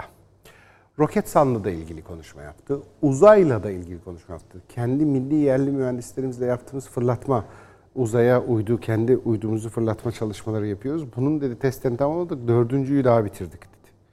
Bu ne biliyor musunuz? Bu şu ya. Şu anda Türkiye'nin Azerbaycan'a şak diye müdahale edebiliyoruz ya. Gidişatı şak diye değiştirebiliyoruz ya meseleyi. İşte bu nasıl oluyor? Eskiden de böyle miydi? Hani eski Türkiye çok güzeldi. Hmm, ne güzel. Kalemle kaset sarıyorduk. Neydi la eski Türkiye'de? Gel buraya. Buraya gel. Eski Türkiye'de o sevdiğin şey neydi? Bir anlat bakayım bana. Şey işte e, ne vardı? Çevirmeli telefon vardı. Ne kadar da güzeldi. Başka kasette böyle kalemle kaset sarıyorduk. Bana doğru düzgün şeyler söyle. Bu kadar kutuplaşma yoktu. Ha yoktu bu kadar kutuplaşma. Binlerce çocuk birbirini vurdu sokaklarda. İnsanlar hangi gazeteyi okuduğunu söyleyemiyordu. Ne kutuplaşma yoktu diye ne anlatıyorsun sen bana? Gazetecilerin arabalarında bomba patlıyordu. Sen biliyor musun eski Türkiye'nin günlük faili meçhulünün ortalamasının kaç olduğunu? Günlük 3 faili meçhul döneminden geçtik biz. Günde 3 faili meçhul cinayet. Gazetecilerin arabaları bombalanır. Gazetecilerin evleri bombalanır. Sokakta çocuklar birbirini vurur. Günde 260 kişi birbirini vuruyordu. Günde 260 kişi. Ne anlatıyorsun bana eski Türkiye eski? Bu kadar kutuplaşma yoktu. Ha yoktu eski bu kadar kutuplaşma. Hiç kimse hiçbir konuda anlaşamıyordu. Devlet hiçbir konuda anlaşamıyordu. Koalisyon diye bir bela vardı başımızda. Şeyi söylemiyorum bak. İçecek su akmıyordu musluktan. Çöp toplanmıyordu. Asfaltın yoktu. Çakıl taşlarda gidiyorsun İstanbul'da caddelerde. Konuşturmayın beni. Galip Özger Caddesi. Ben doğma ve Eyüplüyüm. Eyüp, Topçular, Düğmeciler Mahallesi'nin en büyük caddesi. Galip Özger Caddesi. O caddede asfalt yoktu. Çakıl taşı vardı. Ne uyduruyorsunuz bana eski Türkiye, eski Türkiye? Yaşadık biz eski Türkiye'de. Hafızamızı mı yitirdik? Demans mı olduk? Ne anlatıyorsunuz? Büyük dertler vardı. Ama en büyük dert neydi biliyor musunuz? 1993'ün Türkiye'si. Özal Cumhurbaşkanı. Koalisyon hükümeti var. Azerbaycan'da şimdi ne oluyorsa aynısı oluyor. Hani bir laf var ya dolaşıyor. Azerbaycanlılar Özal'dan yardım istemişler de Özal da onlara demiş ki bunlar Şii bunlara göndermeyelim. Yalan! Gidin Hikmet Çetin'inize sorun. Dışişleri Bakanınız Hikmet Çetin'inize sorun bakayım. Azerbaycan'a niye yardım etmediniz diye. Özal diyor ki 93'te Cumhurbaşkanı olarak. Hadi diyor dişimizi gösterelim. Senin Hikmet Çetin bakanın var ya Dışişleri Bakanı ne diyor? Bişkek'te o sırada toplantıyı terk ediyor. Ne biçim laf ne diş gösterme yok öyle bir şey diyor. Koalisyonda başka kim var? Erdal İnönü var. Hi, Rusya ile şey olur. Amerika böyle bir şeye izin vermez diye konuşma yapıyor Erdal İnönü. Senin Cumhurbaşkanın diyor ki er, Ermenistan'a dişimizi gösterelim. Aynen cümlesi de şu. Müzakere edilecek bir şey kalmamıştır. Sınıra gidelim dişimizi gösterelim. Koalisyon hükümeti işte. Çok güzeldi eski Türkiye dediğin hiçbir konuda anlaşamayan neyi güzeldi? Kriz, kriz, kriz, kriz, kriz. Devlet bir tane karar veremiyor. Cumhurbaşkanı bir tane icraat yapamıyor. İşte oydu eski Türkiye. Üstelik Özal zamanında hem bu vardı bir de gösterecek dişinde yoktu şimdi kusura bakma. Ne diş göstereceksin işte. Aselsan'daki dün konuşma o yüzden önemli. Bakın o 93'te dişimizi gösterelim'i bir izleyelim. Ardından hemen hemen ardından Cumhurbaşkanı Erdoğan'ın 1993'ten 2020 yılının Cumhurbaşkanı'nın konuşmasına gideceğiz. Önce 1993. Çok güzel Türkiye dediğiniz Türkiye buyurun. Dağlık Karabağ'daki 30 yıllık Ermeni işgali Türkiye'nin verdiği destekle ortadan kaldırıldı. Cumhurbaşkanı Recep Tayyip Erdoğan'ın onayıyla Bakü yönetimine verilen insansız hava araçları 45 gün içinde işgal topraklarını özgürleştirmeye yetti. Oysa 27 yıl önce 8. Cumhurbaşkanı Turgut Özal da Erdoğan gibi refleks göstermiş ve Kırgızistan seyahatinde dişimizi gösterelim demişti. Ancak Cumhurbaşkanı Özal'ın Dağlık Karabağ parça parça işgal etmeye başlayan Ermenistan'a askeri müdahale teklifi dönemin Başbakanı Süleyman Demirel, Başbakan Yardımcısı Erdal İnönü ve Genelkurmay Başkanı Doğan Güreş tarafından paylaşılmamıştı. Kızılordu korkusuyla konuşan Demirel, eğer müdahale edersek karşımıza Rusya çıkacak demişti. Başbakan Süleyman Demirel'in Karabağ'dan uzak durulması tutumundan Amerika'nın memnuniyet duyduğu gazete manşetlerinde yer almıştı. Yürütmenin başı olan Demirel ve İnönü'nün karşı çıkmasıyla Cumhurbaşkanlığı makamındaki Özal'ın yalnız kaldığı Karabağ işgalinde bir anlamda Azerbaycan'da kaderine bırakılmıştı. Öyle ki DYP-SHP koalisyon hükümetinin Dışişleri Bakanı Hikmet Çetin, Bişkek'teki ziyareti esnasında Özal'ın müzakere edilecek bir şey yok, sınırda manevra yapalım sözlerini protesto ederek elçilik binasını terk etmişti. Bunun üzerine Ermenistan 30 yıl sürecek işgalin ilk yıllarında zulmünü ve hukuk tanımaz politikalarını inşa etmişti. Aynı dönemde Agit Minsk güçlüsünün diğer paydaşı Rusya'da tıpkı Amerika gibi Ermenistan istilasına kayıtsız kalmıştı. Turgut Özal'ın lafla olmaz asker gönderelim sözleri Moskova yönetimi tarafından aşırı duygusallık olarak nitelenirken bu tip sözler eski korkuları canlandırır denilerek tehdit içerikli bir mesaj yayımlanmıştı. Rusya ve Amerika'nın gölgesine sığınan Ermenistan'da hem içeride hem dışarıda destek bulamayan Özal'ın teklifini küstahlık olarak değerlendirip Türkiye bize müdahale edemez cüretkarlığında bulunmuştu. Böylece 10 yıllar boyunca Karabağ'da Ermeni vahşeti, gözyaşları, kan durmamıştı.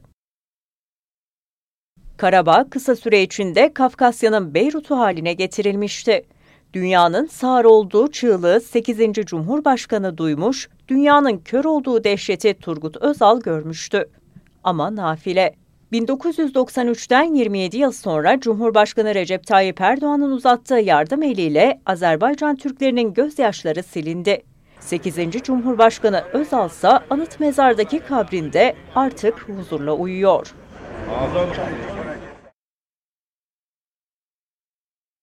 Ah Turgut Özal. 90'ların Türkiye'si işte.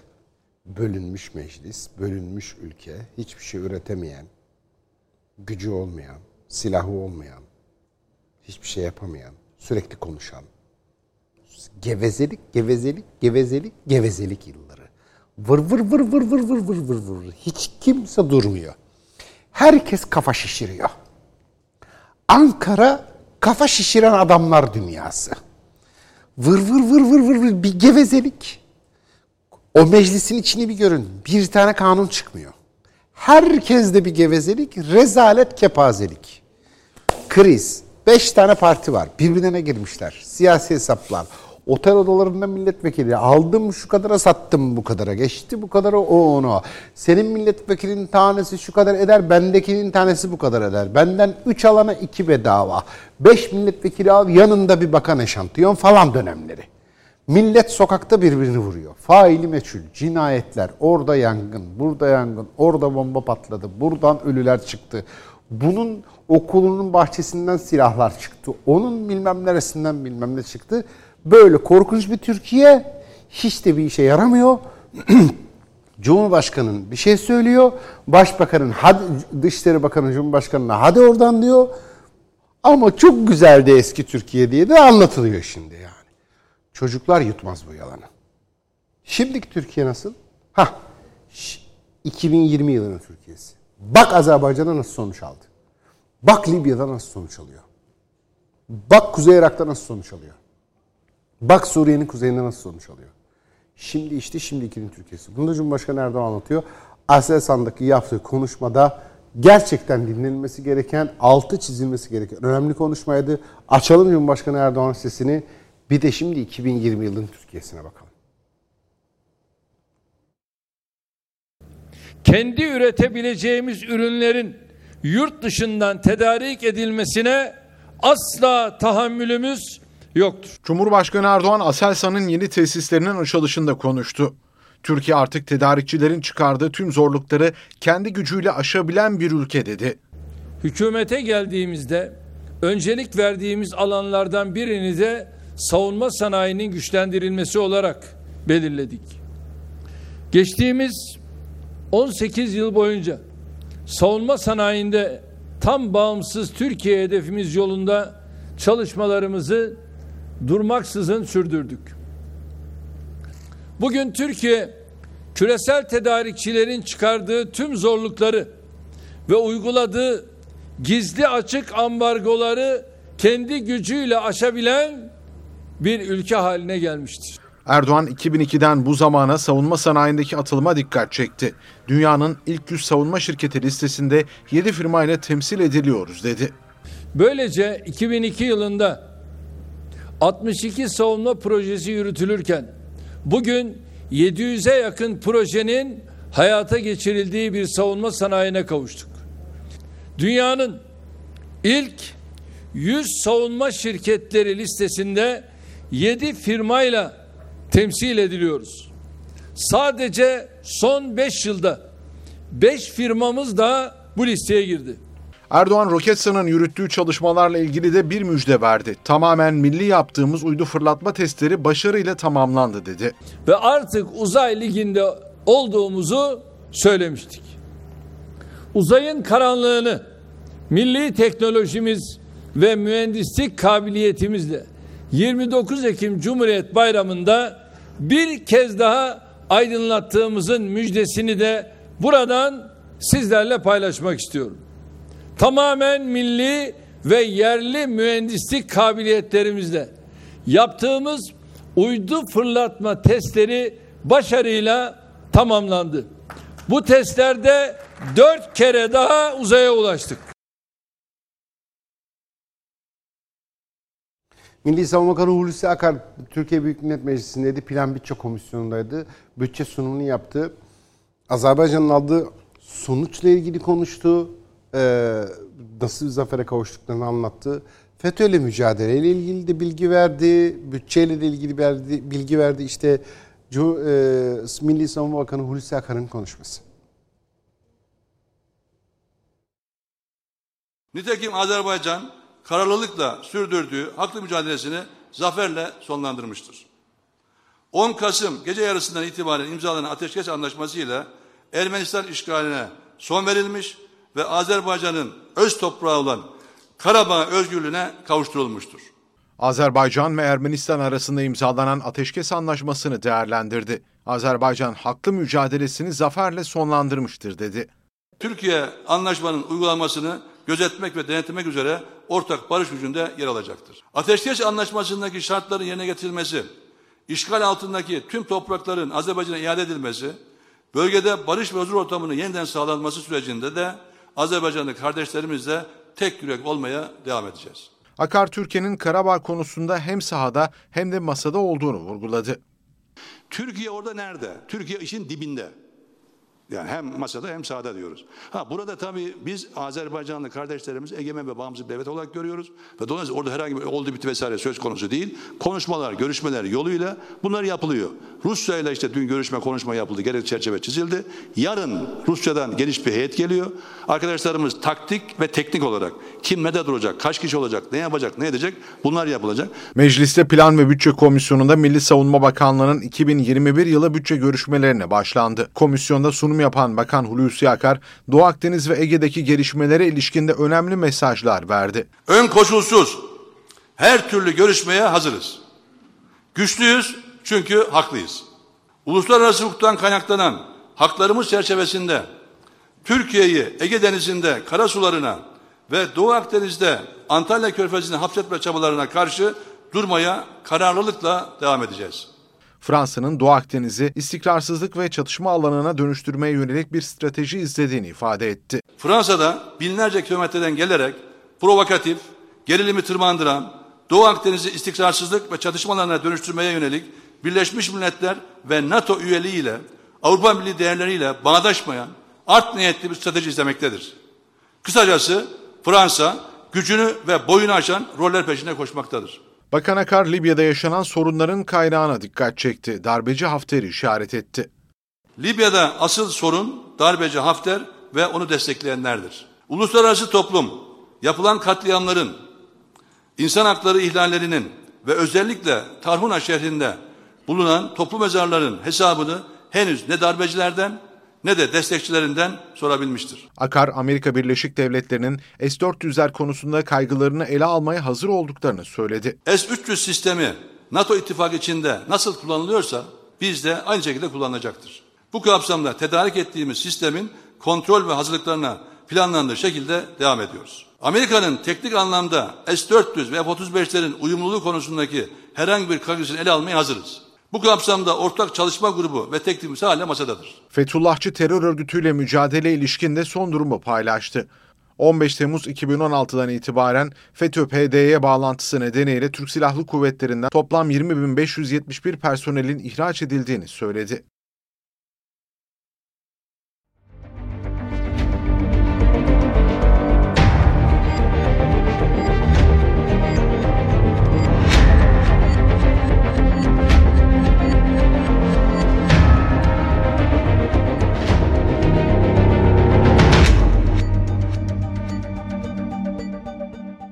...12 Kasım itibariyle Türkiye'de kaç kişi koronavirüs hastası yaptık aramızda? 2841. Kaç kişiyi öldürdük? Toplamda Türkiye'de ölen dün 88 kişiyi de öldürdük. 2845 kişiyi aramızdan hasta ettik. 88 kişiyi de öldürdük. Hadi bakalım. Ne olacak şimdi? Nasıl biz mi öldürdük onları? Biz mi? Evet biz öldürdük, biz hasta ettik. Numara yapmayın. Gerçeği konuşalım mı? Apartmanda bir tane komşu hasta oluyor. Hiç kimseye söylemiyor. Bütün apartmanı hasta ediyor. Biz mi öldürmüşüz? İş yerine adam geliyor. Hasta olduğunu kimseye söylemiyor. İş yerinde arkadaşlarının hastalığı bulaştırıyor. Biz mi öldürmüşüz? Hasta olduğu halde sokağa çıkıyor. Alışverişe gidiyor. Birbirine insanlar hastalık bulaştırıyor. Biz mi öldürmüşüz? Hasta olduğunu farkında değil ama maske tak denilmiş, takmamış. Dokunma denilmiş, dokunmuş. Uzak dur denilmiş, yaklaşmış. Biz mi öldürmüşüz? Kimin suçu var şimdi burada? Gizli bir komplo mu dönüyor? Bu adam evinde uyurken getirip burnun hastalığı mı soktular ajanlar? Ha? Nasıl oldu? Biz birbirimizi öldürüyoruz. Biz birbirimize hastalık bulaştırıyoruz. Apartmanda 12 daire hasta etti. Sadece bir örnek. Bu Türkiye'nin her yerinde öyle. Münferit bir tane örnekten bahsetmiyorum. Türkiye'nin her yerinde böyle. Neden söylemiyorsunuz? İşte laf olur. Sıkıntı çıkar. Ne laf olacak? Ne sıkıntı çıkacak? Halife misin sen? Ha? İslam alimi mi zarar görecek? Devlet başkanı mısın?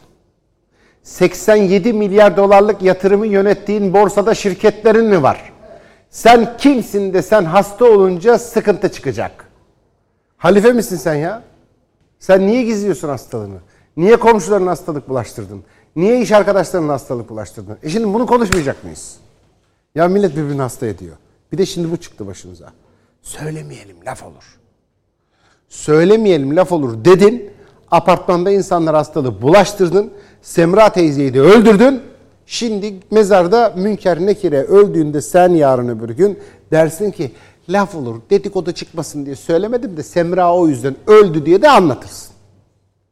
Ya sorumsuzluk, bilinçsizlik, cahillik, vurdum duymazlık, vicdansızlık, merhametsizlik hepsi birleşiyor ve günde 2841 kişi hasta oluyor.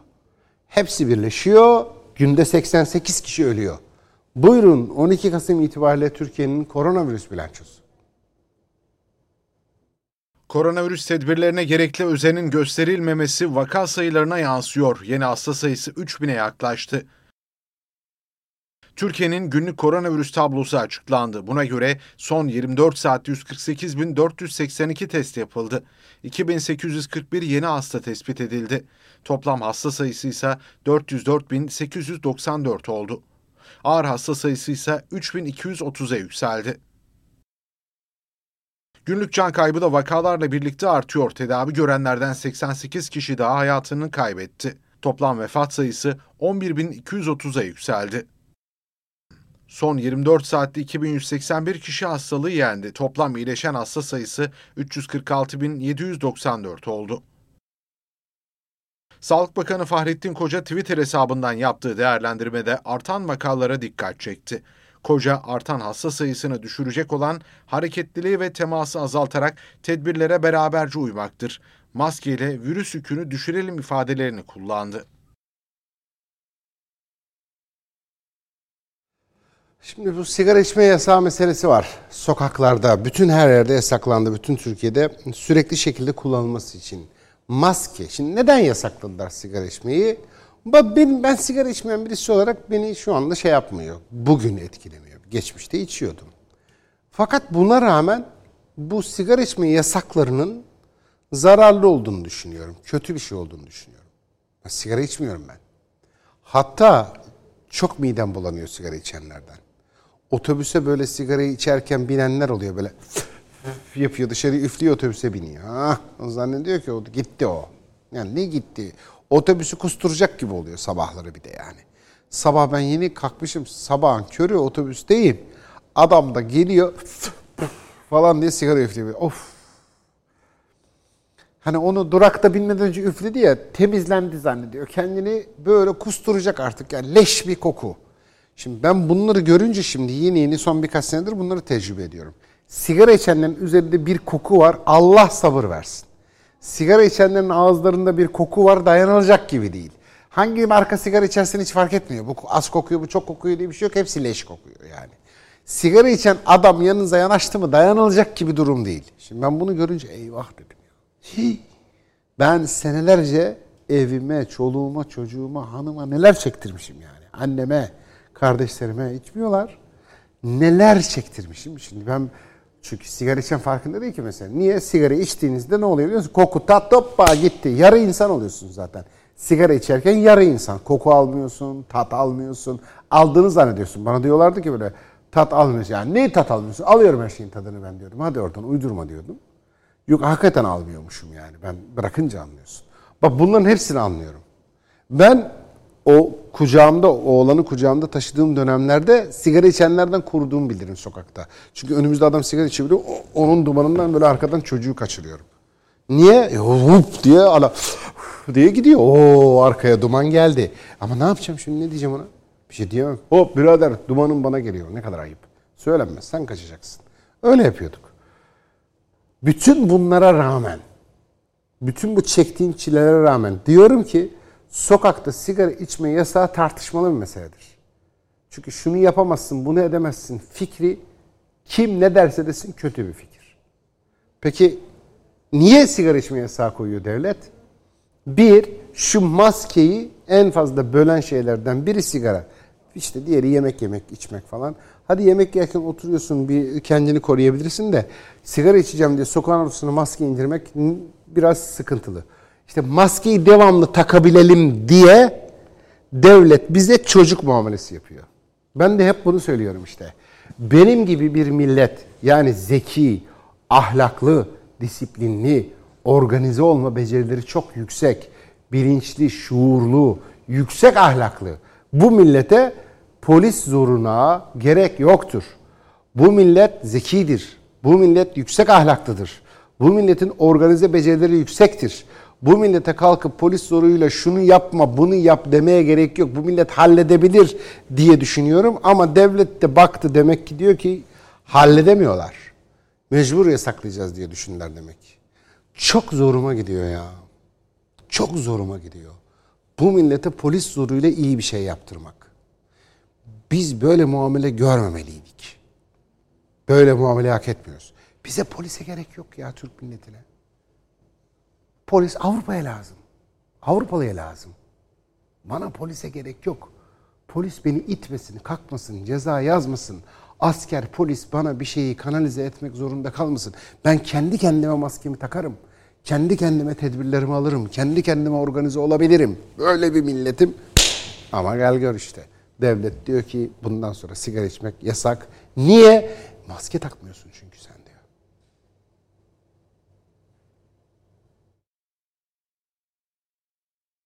Çok iyi olmuş, isabetli bir karar olmuş. Vatandaşların yoğun olarak bulunduğu açık alanlarda sigara içmek artık yasak. Dışarıda açık alanlarda maske takma mecburiyeti vardı. E, sigara içme serbestti. O zaman hani o, o yasağın da bir anlamı kalmıyordu. Şimdi virüs olan bir insan sigara içerse o nefesiyle zaten dumanı dışarıya üflüyordu. Birimiz yanı, herhangi birisi yanından geçerken bunu kapma olasılığı yüksekti. Bence makul bir karar. Ben destekliyorum. İçişleri Bakanlığı'nın 81 il valiliğine gönderdiği genelgeyle uygulama hayata geçirildi. Caddelerde, sokaklarda, otobüs duraklarında sigara içme yasağı uygulanmaya başlandı. Vatandaşlarsa uygulamadan hayli memnun. Sigara içtiğimizde e, maskesiz kullanıyoruz sonuçta. E, başkalarını da tehlikeye e, durumuna düşürmek zorun e, düşürüyoruz. Onun için e, gayet iyi bir uygulama oldu. Çocuk parklarında da zaten geçerken ister istemez dumana maruz kalıyorduk. İnşallah uygulanır, cezaları da ağır olur. Uzmanlar virüsün sigara dumanı aracılığıyla bulaşabileceği görüşünde. Verilen nefes daha kuvvetli olarak verildiği için ve bu sigara dumanının da virüs parçacıklarını taşıma ihtimali olduğu için daha uzak mesafeye virüsün yayılabilme ihtimali bulunmaktadır. Sigara içmek için maskenin çene altına indirilmesi de virüsün bulaşma riskini artırıyor. Sigara içerken maskelerini indirmek durumundalar. E maskeler iniyor, kişiler arasındaki fiziki mesafe azalıyor. Aynı zamanda bu kişi dumanı da dışarıya üflediği için virüsün yayılması açısından elverişli bir ortam oluşturuyor. Sigara içme yasağına uymayan vatandaşlara ise idari para cezası uygulanıyor.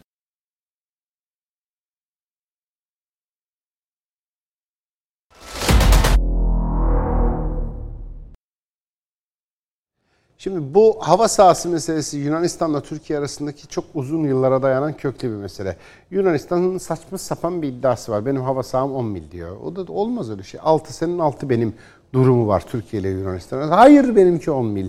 Nereden? Gelenek oluştu artık. Ben yılla 1947'de o adaları alırken neredeydiniz? O zaman itiraz etseydiniz. Aldım ben kardeşim diyor. Bak şaka yapmıyorum ben gerçekten Yunanistan'ın üzerinde durduğu tek politika bu. Gelenek oluşturma diye bir şey var. Diyorlar ki biz bunu 1947'de aldık, siz de verdiniz, hiç de sesinizi çıkartmadınız. Biz o gün bugündür bu topraklar bizim, buralar bizim, benim ana karam diye bir şey yoktur. Benim ana karam adanın sınırında başlar, hava sahamına 10 mil. Olur mu böyle saçma şey? Oluyor işte 1947'den beri öyle. Şimdi bu adamlar öyleler. Amerika'nın ya şikayet ettiler Türkiye'yi. Türkiye bizim dediler neyle şikayet ediyorlar? Hava sahamızı ihlal etti. Niye? Biz onların hava sahasını ihlal mi ettik? Hayır. Onların hava sahası 6 mil. Bizimki de 6 mil. Şimdi onlar kendini 10 mil hesaplayınca onların olmayan hava sahasında olunca Türk uçakları bizim ihlal ettik diyorlar. Bu radar kayıtlarını Amerika'ya verdiler. Amerika da dedi ki hani nerede Türkiye? İşte bizi Türkiye 437 defa ihlal etti. Nerede? Şurada. Burası sen değilsin ki diyor Yunanistan. Olur mu ya diyor. Burası diyor benim. Nereden senin? Çünkü benim hava saham diyor 10 mil. Amerika cevap verdi. Dedi ki ben hava sahasının 6 mil olduğunu düşünüyorum.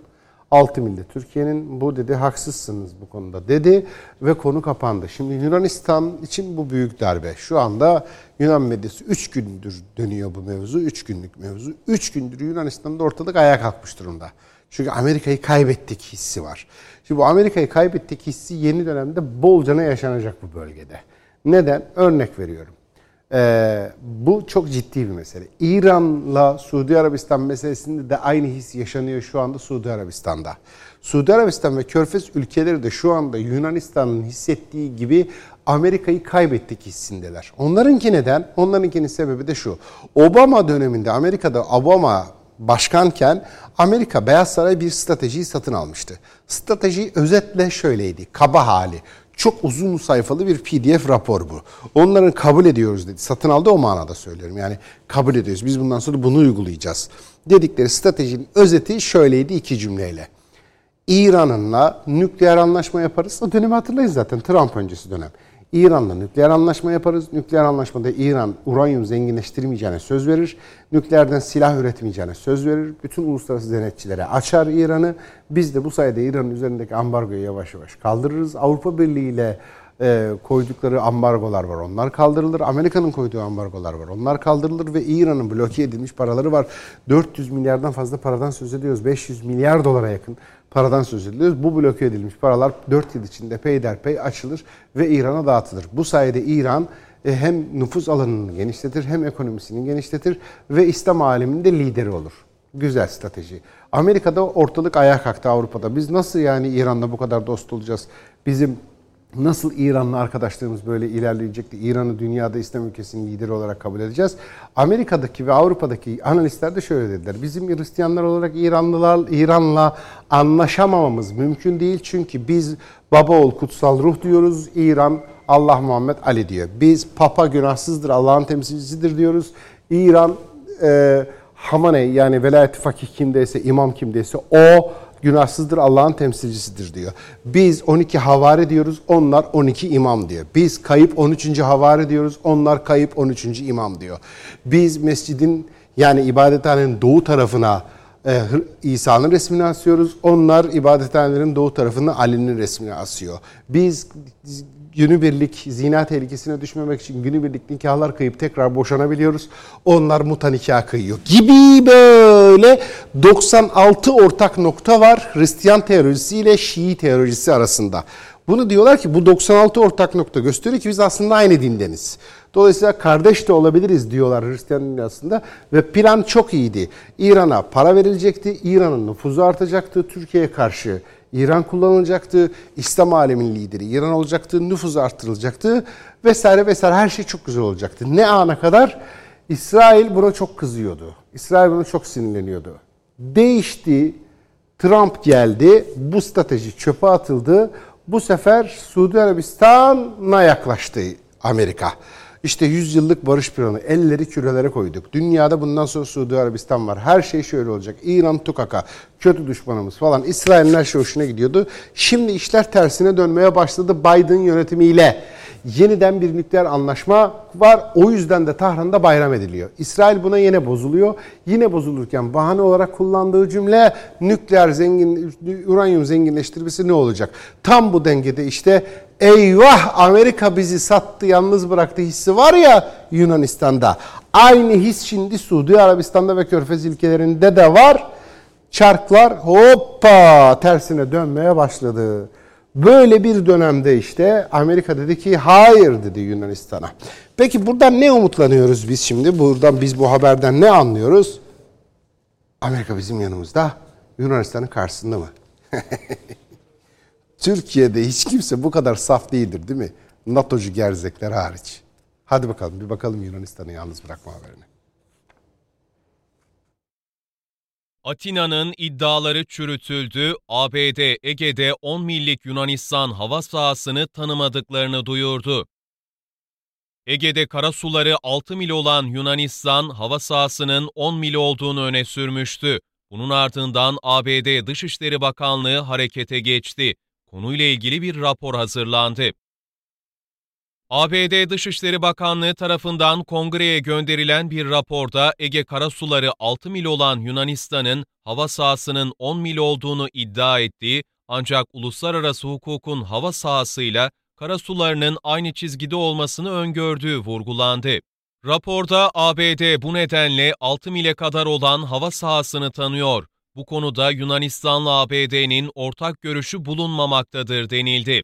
Aynı raporda ABD'nin Yunanistan ve Türkiye'yi deniz sınırları ile ilgili anlaşmazlıklarını uluslararası hukuk temelinde barışçıl yollarla çözmelerine teşvik ettiği de belirtildi. Öte yandan Doğu Akdeniz'de çalışmalarına devam eden Oruç Reis sismik araştırma gemisinin görev süresi 23 Kasım'a kadar uzatılmıştı.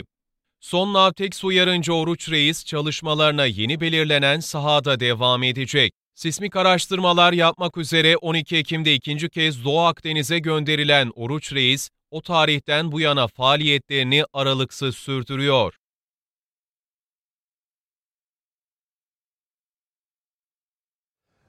Süleyman Soylu açıkladı. Dün bir operasyon vardı, PKK'ya operasyon vardı e, Tunceli'de. Şimdi orada bir e, öldürülen, etkisiz hale getirilen ya da tam doğru, haklı e, tarifiyle itlaf edilen teröristler vardı. O teröristlerden İsmail Sürgeç etkisiz hale getiriliyor. Meğerse bu kırmızı kategoride aranıyormuş, bölgenin falan da sorumlusuymuş efendim. İçişleri Bakanı Süleyman Soylu açıklamayı sosyal medya hesabından paylaştı. Soylu kırmızı listeye bir çizik daha ifadesiyle yaptığı açıklamasında PKK'nın kırmızı kategorisinde aranan sözde Tunceli sağ sorumlusu terörist İsmail Sürgeç'in etkisiz hale getirildiğini açıkladı. İçişleri Bakanlığı ise Yıldırım 4 operasyonu kapsamında Tunceli Merkez ilçesi Amanos bölgesinde gerçekleştirilen Ahpanos bölgesinde gerçekleştirilen operasyonda iki teröristin silahları ile birlikte etkisiz hale getirildiğini açıkladı. Terörist İsmail Sürgeç'in birçok eylemin planlayıcısı olduğu ve terör eylemlerinin de talimatını verdiği anlaşıldı.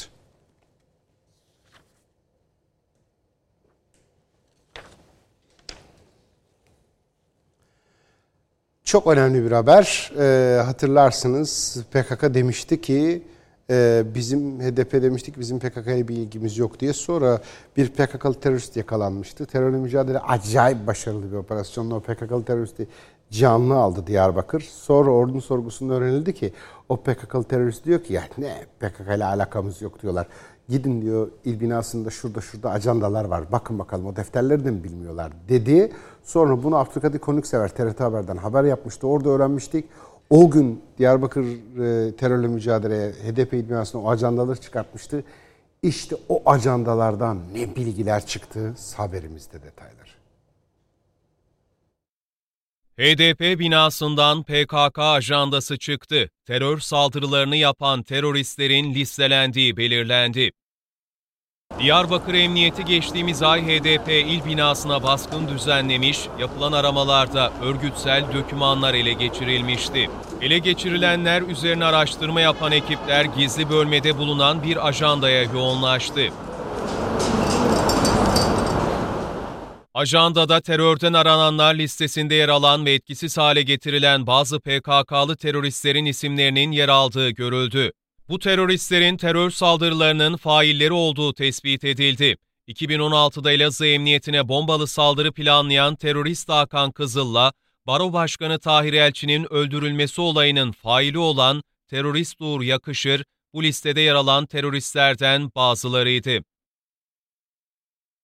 Ajandada PKK'nın çukur eylemlerindeki saldırılarının sorumlularının da yazılı olduğu ortaya çıktı.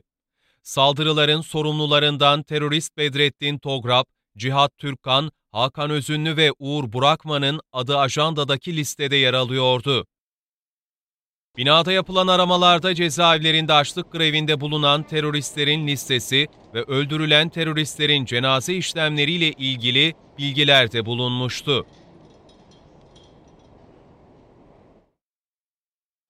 Küçükçekmece Belediyesi'nde bir rezalet bir skandal yaşanmıştı hatırlıyorsunuz. PKK sembollerinin olduğu çocuk parkı yapmışlardı. PKK sembollerinin çocuk yapılan çocuk parkı ile ilgili olarak soruşturma başlatılmıştı.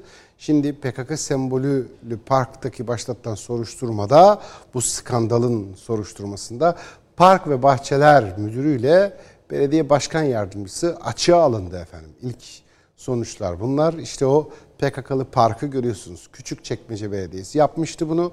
Sosyal medyadan da paylaşmışlardı.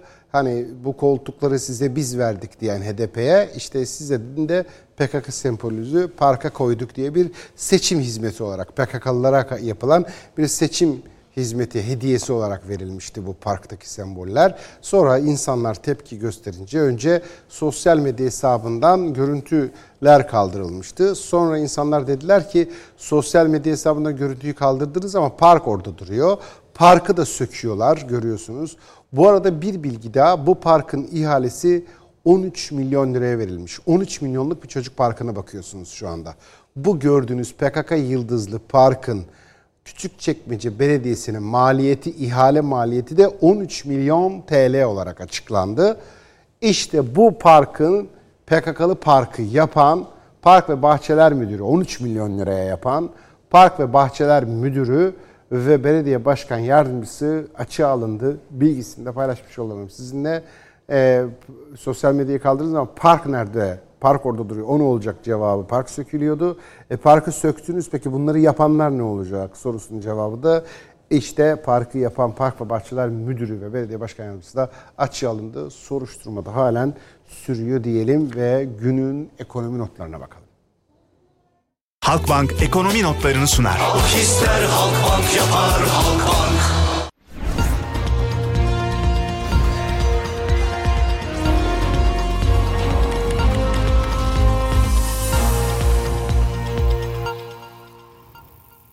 Borsa İstanbul Endeksine bakıyoruz önce. 1271'de hala sabah saatlerinden beri çünkü sabit fiyatı. Dolara bakıyoruz 7.64 anlık olarak da düşüş gösteriyor. Euro 9.02 o da düşüş gösteriyor.